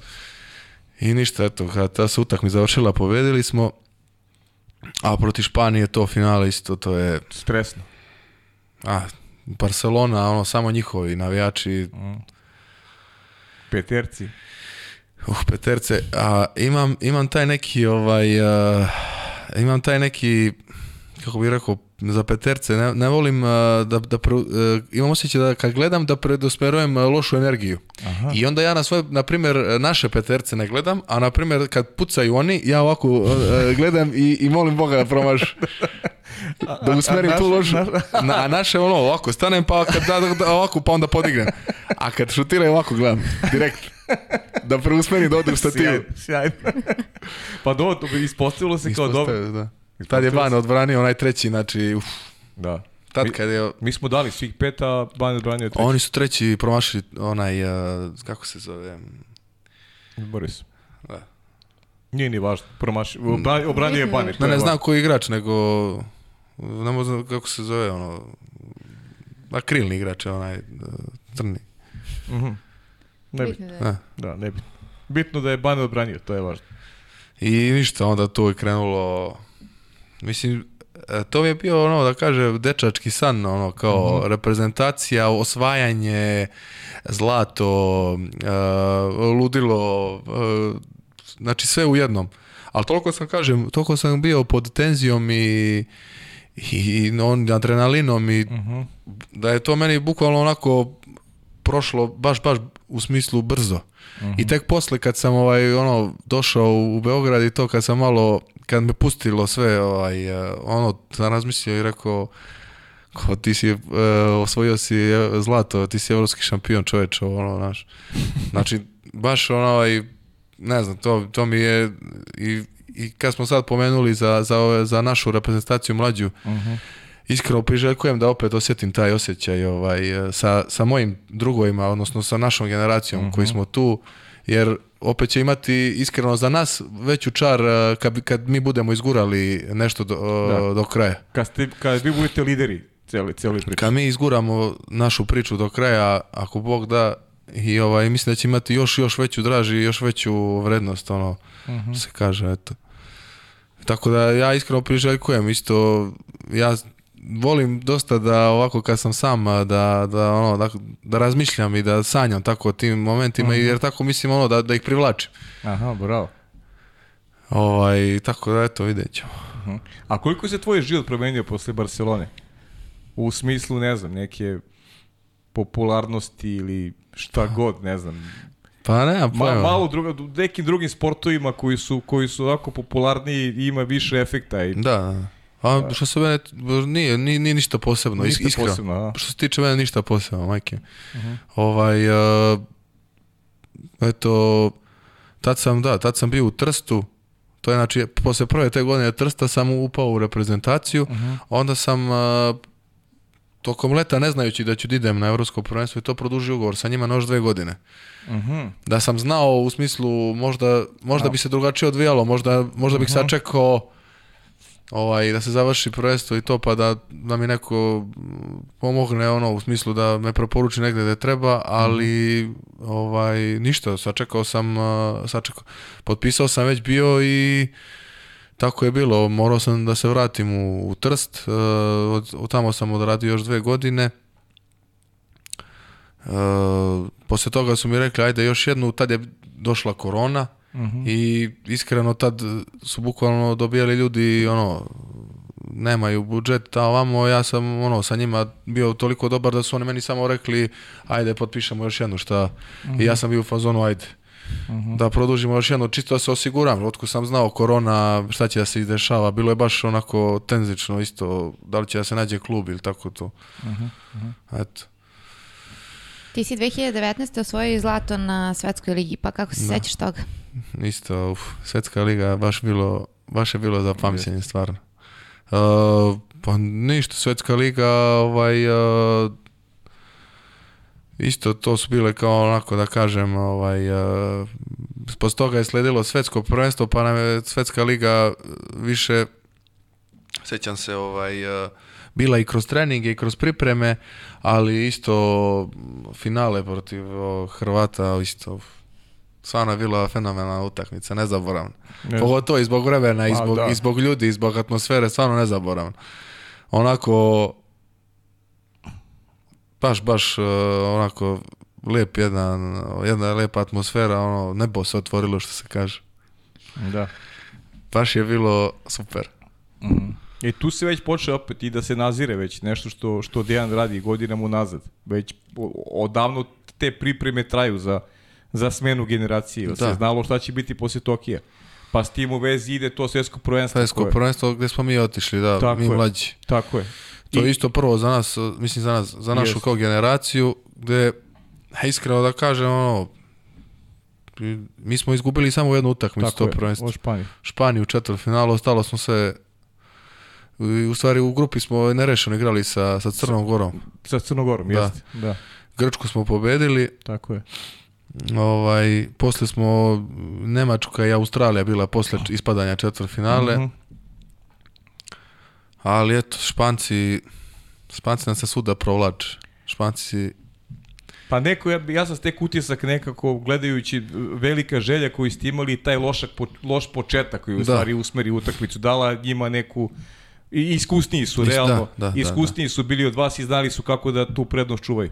Da, da, da, otvorili su, otvorili su nas baš ovaj, mi smo otvorili loš utakmicu, mm. oni su se odvojili baš Brzo su 4-1, 5-1 da. je bilo, mm. ne mogu da setiti. I ovaj i onda smo onda su bile ono face ja smo se gledali ono kao u fazonu šta se šok.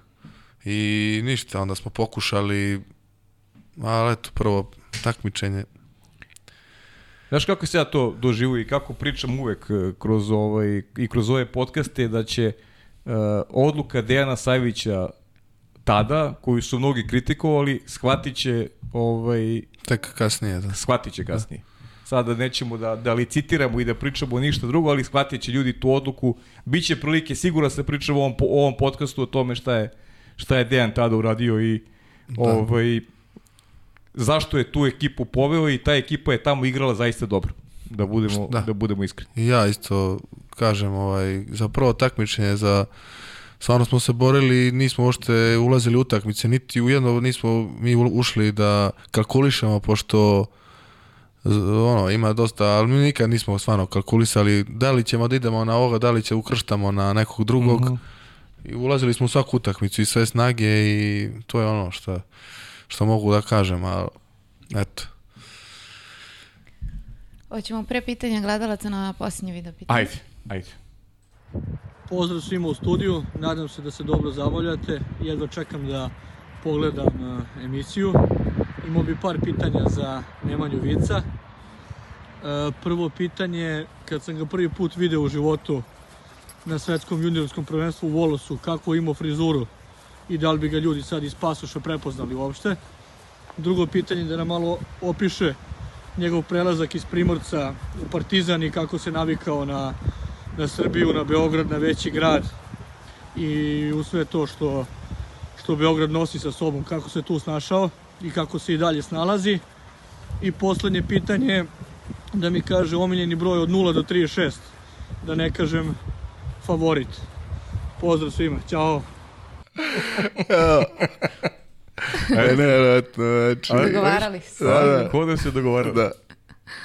Šta je, koje je prvo pitanje bilo? Šta je rekao?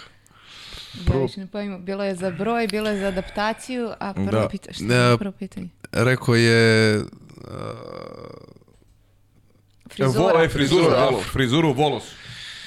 Da, da, tad smo se sreli, da, prvi put, ovaj, imao sam uh, onako, ne znam, stvarno da li me je prepoznali, imao sam ovaj, afro frizuru lokne, ali to je bila ona frizura ovako, bukvalno ko mikrofon, ovako. to je bilo... Bio sam tad u nekom fazonu, ne mogu da se sjetiti, znači, kao sam, bukvalno, ne želim da se, da se sjećam tog perioda. Uh, tad smo se da, prvi put, mislim ja sam njega tad prvi put video, ovaj, oni su tad osvojili u Volosu svetsko prvenstvo. Uh mhm. -huh, Srbija. Srbija, da. Ti si tad bio sa Crnom Gorom. A, ja sam bio sa Crnom Gorom i isto je bilo to kao mala minutaža i to ništa nisam. Mislim, više sam kao, što se kaže, kao kofer.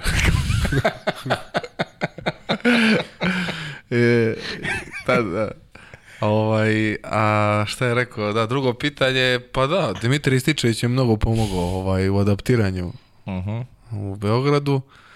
E, iskreno zahvala sam mu na tome, pokazao mi je mm, baš, baš dosta. Uh mhm. -huh. I što se tiče... Spomenici. Da, spomenici, da, ovaj... E, Biblioteke je tako. Zovrti, zovrti to. Uh mhm. -huh. Šalim se. E, stvarno e, on je bio tu prvi kao što sam ga bio i naveo uh mhm. -huh. ovaj sa kim sam kao ušao što se kaže u, u beogradski stil života e, to je ovo mislio je na znam na šta mislio malo izlazci, malo zezanje i tako dalje i tako dalje eto Dimitrije čuo si ti si prvi pik a od 0 do 36 brojevi 27 Omiljeni favorit. A to je, dobro, ajde. Dobro, dobro. Nećemo detalje, ali imam znate. odmah jedno pitanje isto od njega, pošto mi je poslao, verovatno je to hteo i da pita, nego je zaboravio. E, zašto kada je padao sneg e, je išao peške na treningi? E, išao sam peške zato što e, kad sam kupio kola, e, nisam, nisam imao zimske gume u početku i onda sam ga ostavio u garaži pa sam išao pešaka do, do vazena pošto mi je bilo, blizu je bila zgrada. Evo, jesi čuo sad? Kako si na brzinu smislio, dobro. Hoćemo odmah da prelazimo na ostala pitanja. Ne, hoćemo, evo, hoćemo da pitamo, ja sam se sa Nemanjom ovaj, konsultovao mm -hmm. i mhm. postavići jedno pitanje od uh, Zorana Kontića. Kaže, poštovana, to je tebi bilo ovaj, upućeno, Postio sam vam pitanje za podcast za Nemanju Vica, vezano je za diabetes. Da.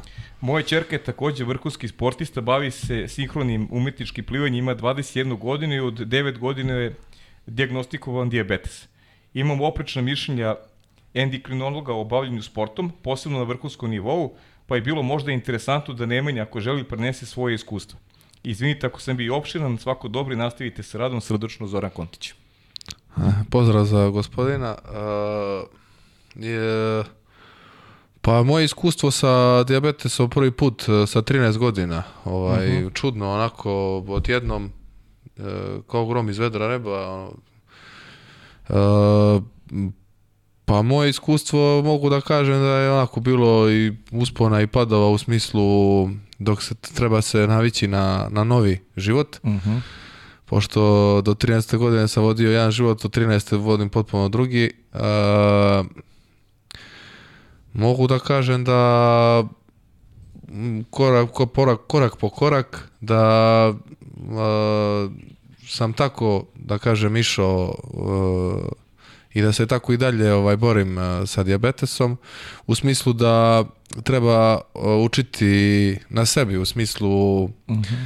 nisam mogao odmah da znam sve E, tako da bilo je i, i loših momenata, bilo je i dobrih momenata, među, međutim ovaj, mogu da kažem da je ono pod kontrolom sve, da treba dati malo vremena ovaj da se čovjek navikne i da ukapira šta treba, šta ne treba, da prati sebe najviše, što nije vezano samo eto, da kaže za diabetes, nego i za vrhunskog sportistu, da gleda šta mu prija, šta mu ne prija, e, da li mislim sad pričamo o, mm -hmm. o, mhm. o drugoj temi, ali eto, ima dosta, dosta ovaj, podudaranja.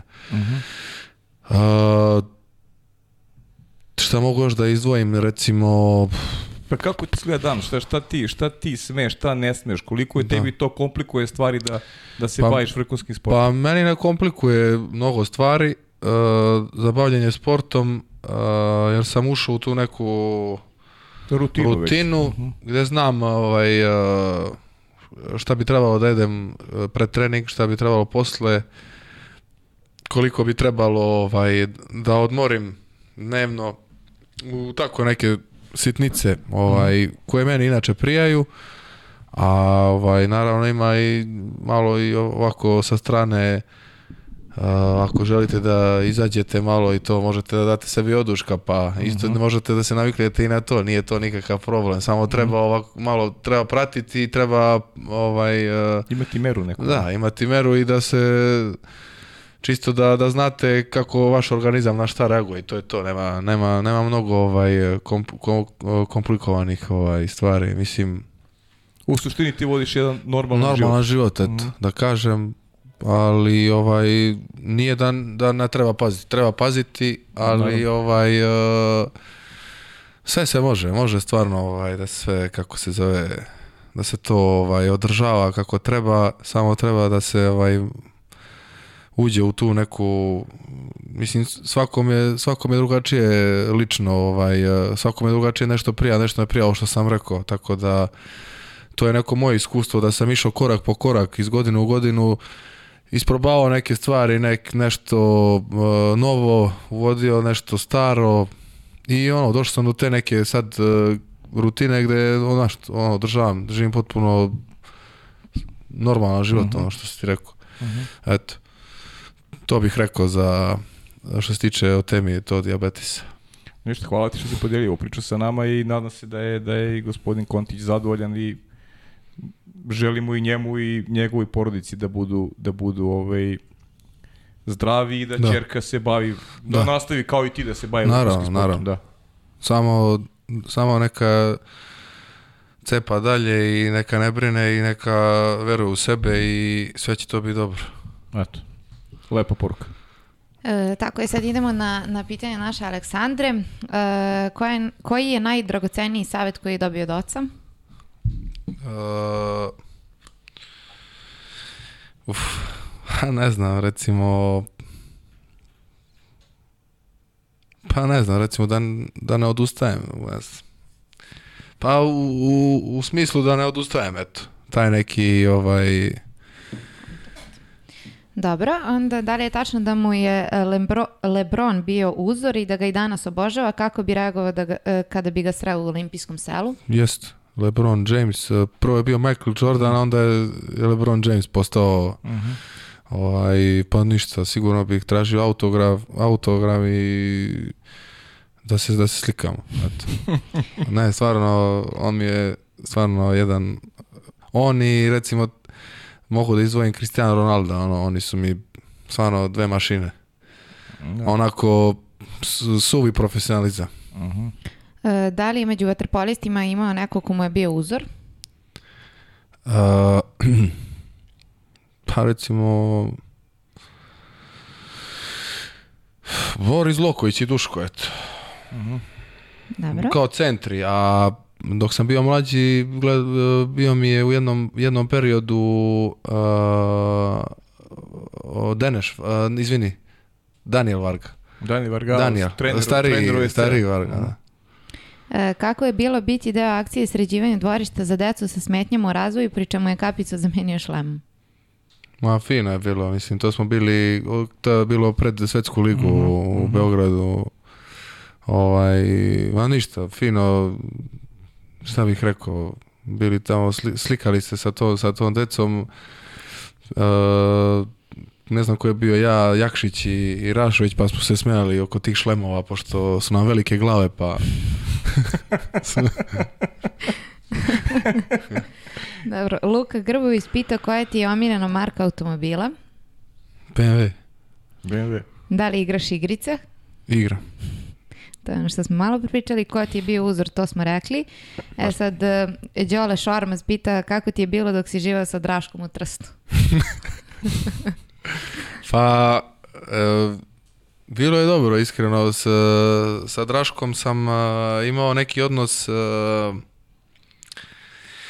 kako bih rekao, mnogo smo se posle, posle te tri godine provedenih, u, posle te tri, tri godine provedenih u Trstu smo se mnogo zbližili. Ovaj, mm. a u početku je bilo teško, u smislu... Mm E, njemu nije prijalo nešto vezano za mene, meni nije prijalo nešto vezano za njega. U, smi, e, u smislu gledamo svaki dan kući, normalno je da malo ovaj postane da želite da imate svoju privatnost, malo da budete sami, da nema nikog oko vas, e, ali navikne se čovjek na, na sve to. Ovaj, međutim, za Draško mogu da kažem da je ekstra momak i da stvarno ovaj, sam, pri, sam dobio mnogo dobrih saveta od njega. Uh mhm. -huh. Što se tiče životno i ovako, i, može i, vat, možda i vaterpolo, po neki savet, ovaj, i zahvalan sam mu na tome, a e, eto, rekao bih da sve u svemu bilo mi je jedan, jedno veliko iskustvo i, i naučio sam nešto od Raška. Uh -huh, uh -huh. Što se tiče životno i eto. Žao mi što se moj previd, što nisam Draška ovaj, kontaktirao za video pitanje, ali dobro, to je moja greška. Da, da. Ajma vez.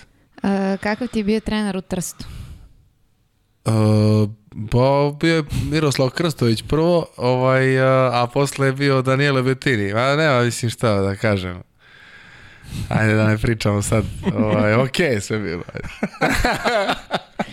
Aj, nešto okay. da i nije. Ali da. da, to je isto pitanje Đoletovo, tako da njemu se zahvali i on te isto pitao gde si bio na novu godinu. A to, to me pitao, ovaj, e, bio sam kod njega u, uh, mislim, promenio sam 3-4 mesta. Ovaj, uh, ali kod njega sam bio posljednje mesto ko, kojeg se sećam. kojeg se sećam. ovaj, on on ima, da. da, ima Savor uh, kafić koji je otvorio ovaj, e, kod njega sam da bio i onda sam posle toga otišao kući. Mogu ja jednu da... Može, naravno. Anđela Milović, e, pitate šta misliš o pomotku Partizana? Imali neki potencijalnih reprezentativaca od mlađih kolega, Nešić, Jakšić, Bulajić i, kaže, srećno u play-offu. Uh, mislim da ima, da. Uh, meni se iskreno sviđa najviše od svih mlađih igrača uh, Kojić. Kojić, Mali da. Kojić, da. Uh mhm. -huh. I recimo, uh, nije navela Božović. A Božović, aha. Da. Mhm. On je dečko, stvarno, to je nevjerovatno kako ima čovjek predispozicije, ovaj, Mislim, mi se, mi se smemo tamo na bazenu. De, dečko ima 18 godina, a visok je 2 metra i ne znam koliko. Ovaj, a ima 125 kila, ja mislim. Uh -huh. Či to su ono predispozicije stvarno za, za monstruma, što se kaže. Eto, ali mora, e, izvojio bi njih dvojicu, ali moraju da rade, da, mora, mora da, da se ovaj, da se dere. Da, pa. Da. Dobro, drago mi je, ja pozdravljam tatu koji će. Sjajan tip. Pitanje je da li slušaš muziku dok imaš treninge na svom i koja ti je omiljeni izvođač? Relja. Dobro. Relja Popović. Uh mhm. -huh. e, da ispriča neku anegdotu posle osvajanja titula sa Partizanom.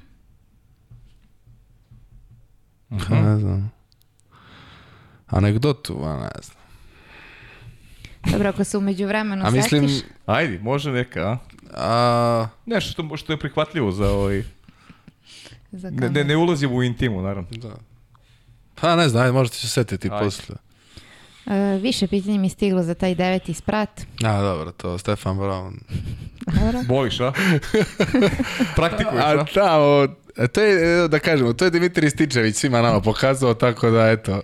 E, šteta, što, šteta što je već bio, šteta, šteta što je već bio ono emisiji, inače vi eto e, dobio on pitanje.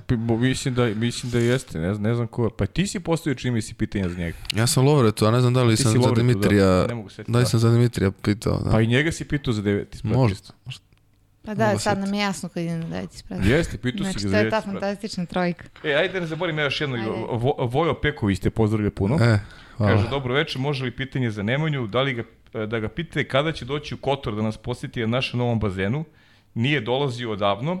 Ima veliki pozdrav Voja Peković, trenera kadeta VK Primorac iz Kotora, a uzgred igrali smo dugo zajedno u mlađim kategorijama u Primorcu. Veliki pozdrav iz Dubrovnika, trenutno smo na turniru Tomu Udovičić i hvala super emisija, hvala puno. Pozdrav za Voja isto, ovaj, sa njih sam isto ostao u kontaktu, mislim, mm -hmm. imao sam Instagram, sam ga izbrisao sam ovaj Instagram. Nešto. E da, to sam primetio, to sam primetio, to si skoro radio. Pa da. Ne znam, malo da, pa ću možda da ga da vratim. malo, da. da. Ovaj, e, da, svojom sam isto bio u mlađim kategorijama dok uh, nas je vodio moj tata. Aha. On je bio golman, uh mhm. -huh. Ovaj, I on je vodio, ja mislim, to 91. 92. godište. Uh mhm. -huh. ovaj, ja sam bio kao mlađi tu među njima. E, ovaj, tu je bio Nikola Marković koji sad igra u Šapcu. U Šapcu, da, da. E, to je ta neka generacija. Ovaj, uh, pa ništa, doći ću u Kotor... Uh, kad bude imao vremena, vidiš da je sad ovo leto... A ovo leto nema šanse. Baš pakljeno. Mm. Ovo leto nema šanse, da ću, možda između, recimo kad se završi svetsko, ako bude mali 7 dana, ću da dođem, da svratim, ali vidjet ćemo. Mm -hmm. Ovaj, e, a nisam bio, da, želeo bih baš da vidim kako izgleda bazen u, sad ovaj mhm. renoviran mm -hmm. u Kotoru, baš ovako po slikama i po tome baš izgleda ekstra, iskreno. Mm -hmm. Baš, baš ekstra. Super, pozdrav Kotoru. Tako je, da li je istina da peva pesma Local Low u slačionici pre i posle treninga? Pa malo, da. Da se digne atmosfera. Znači, pevaš, pa ti nema šta ne radiš. Ne? Da. A? Ja sam... E, a znaš da sam, e, e, sad kad smo kod, kod pevanja, to mi je bilo ovaj... A, e, i, i htio, imao sam i želju da se bavim muziku. Stvarno? Da. Da budem neki reper i to. Stvarno. Aha. I, I ba, ništa.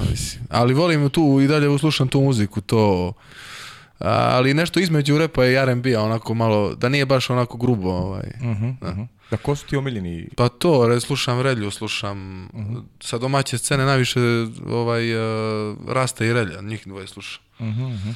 Sa, i sa vamo s, uh, slušam, ne znam, 50 Cent, Pop Smoke i to, ove strance. Uh -huh. Dobro. Amere. E, kakvi su igrači Alex Bojan i Marko Vavić Evo. da li, se njihova, da li se njihova igra razlikuje pošto su iz Amerike? A ok su, ovaj, Alex e, stvarno odličan ovaj napadač, odličan šuter, stvarno ima bombu ovaj, u ruci i, i odličan. Marko, o, Mar Marko sam tek ove godine ovaj, e, da kažem video kako igra i to on je igrao čak ja mislim jednu godinu i u, i u Romi kad sam bio u Trstu uh mhm. -huh. ali mislim da nije igrao protiv nas jer je imao koronu tako nešto uh mhm. -huh. ovaj, i on je isto ovaj, do, dobar igrač ok eh, ali eto među njih dvojice Bojana bih izdvojio ono, odličan, odličan napadač Uh, eh, nema pitanja, samo želim da počnem podršku i poželim uspeh u svim predstojićim izazovima. Tanja Vico, Hvala mama. E, I posljednje pitanje, najveće slabosti i vrlina Angela Cvetinović odnosi se na sport. Odnosi se na sport? Da. Najveće mana i vrlina, da. Da. Mislim, tvoje mana i vrline, ako, ako želiš da pričaš o manama i vrlinama u bazenu, ne znam da li slušaju rivali, pa mogu to da iskoristim. pa to, to. uh, mana, uh, ok, ajde, mana može da bude što u tom nekom pritisku, pulsu, ne mogu da kažem kritika, ali neko malo jače onako obraćanje i to malo mi e, taj taj sam tip ovaj malo mi to zasmeta kako bi rekao Ne zasmeta, ali ovaj, malo me ono, spusti. Ovaj, volim, ka, volim više kad me bodri neko kad mi kaže ajde, Aha. ajde, ajde, može, ajde, idemo dalje i to. Da. Volim da, taj ne, fazon. Ne, ne, kritika... Ma ne kritika, nego onako...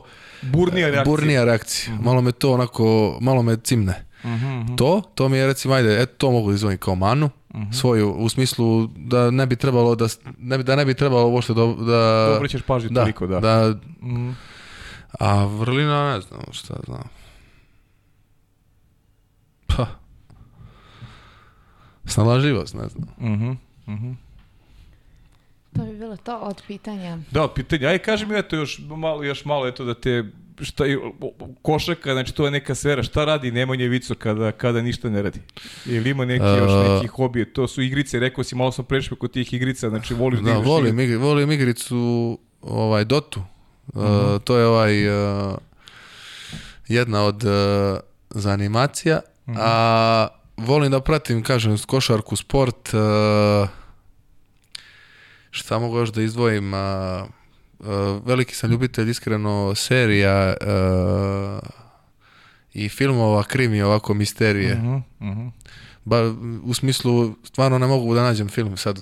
Ovaj, to mi je problem postao, jer ne mogu stvarno, sve sam i gledao, stvarno. Da, da. Ovaj, I stvarno jedva čekam kad tako izađe neka nova serija da mogu da ovaj da, da serije najviše gledam i i filmove ovako kad se vratim sa večernjeg treninga pa kad ovako želim da se malo od, onaj relaksiram i da odmorim a igrice tako ponekad e, popodne a mislim ništa preterano ali to mi ajde kao zanimati mm -hmm. Dobro, i Limo ono, volimo na kraju ove, ove emisije, ja sam uživo zaista, mogu biti da te rešetam sad ovde sa sa još ja, pitanje, da, da nešto što eto nismo imali prilike da, da čujemo, a tebi je vredno i a nis, nisi, ovaj, nisi rekao. Pa.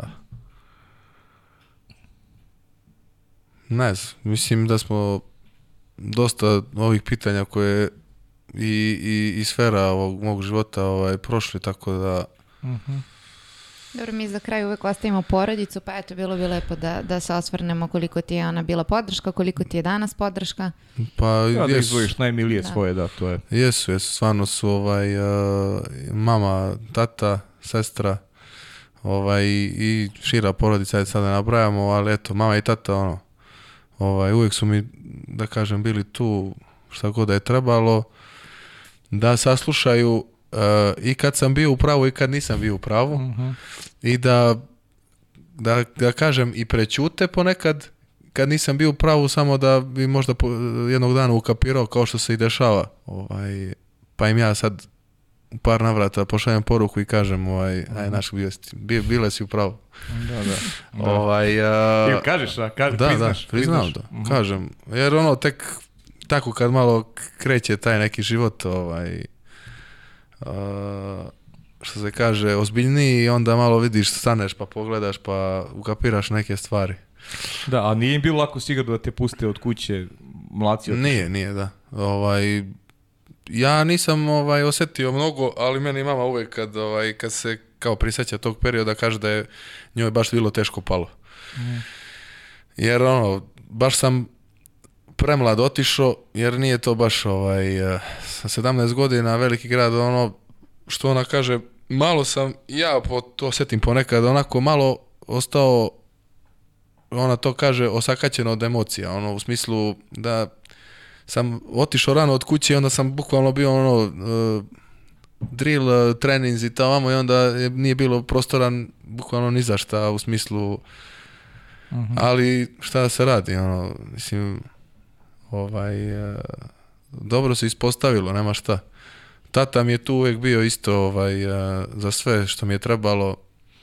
Mm, za njih e, ništa ne bih ovaj, izdvajao, eto, kao svi roditelji.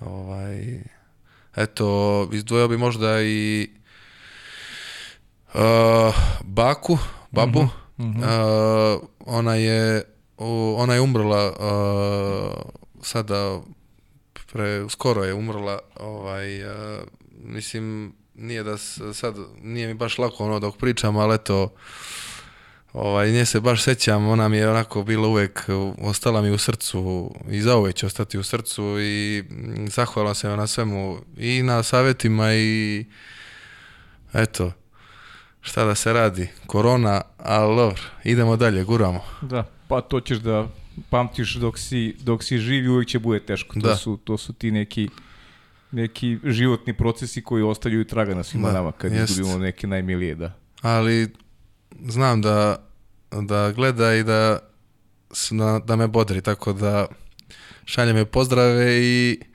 guram dalje. Da, ima na koga da bude ponosno. Da.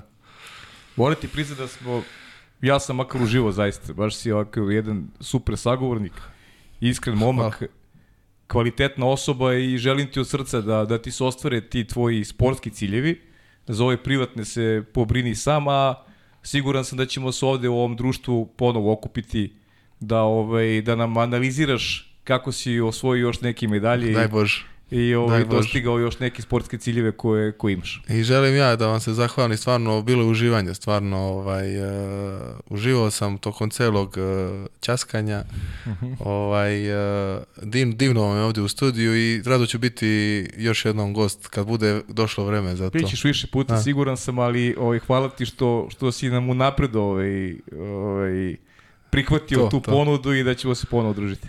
Hvala. Ništa meni ostaje, naravno da ti poželim svu sreću u, u nastavku sezone i u daljoj karijeri i da nam dođeš opet ovde sa novim medaljama. E, ništa Pavle, mi sledećeg gosta e, još uvek nemamo, ali ne znam, e, da. pratite svakako naše Instagram profile, e, a do sledećeg četvrtka sportski pozdrav. Ćao ljudi. Ćao.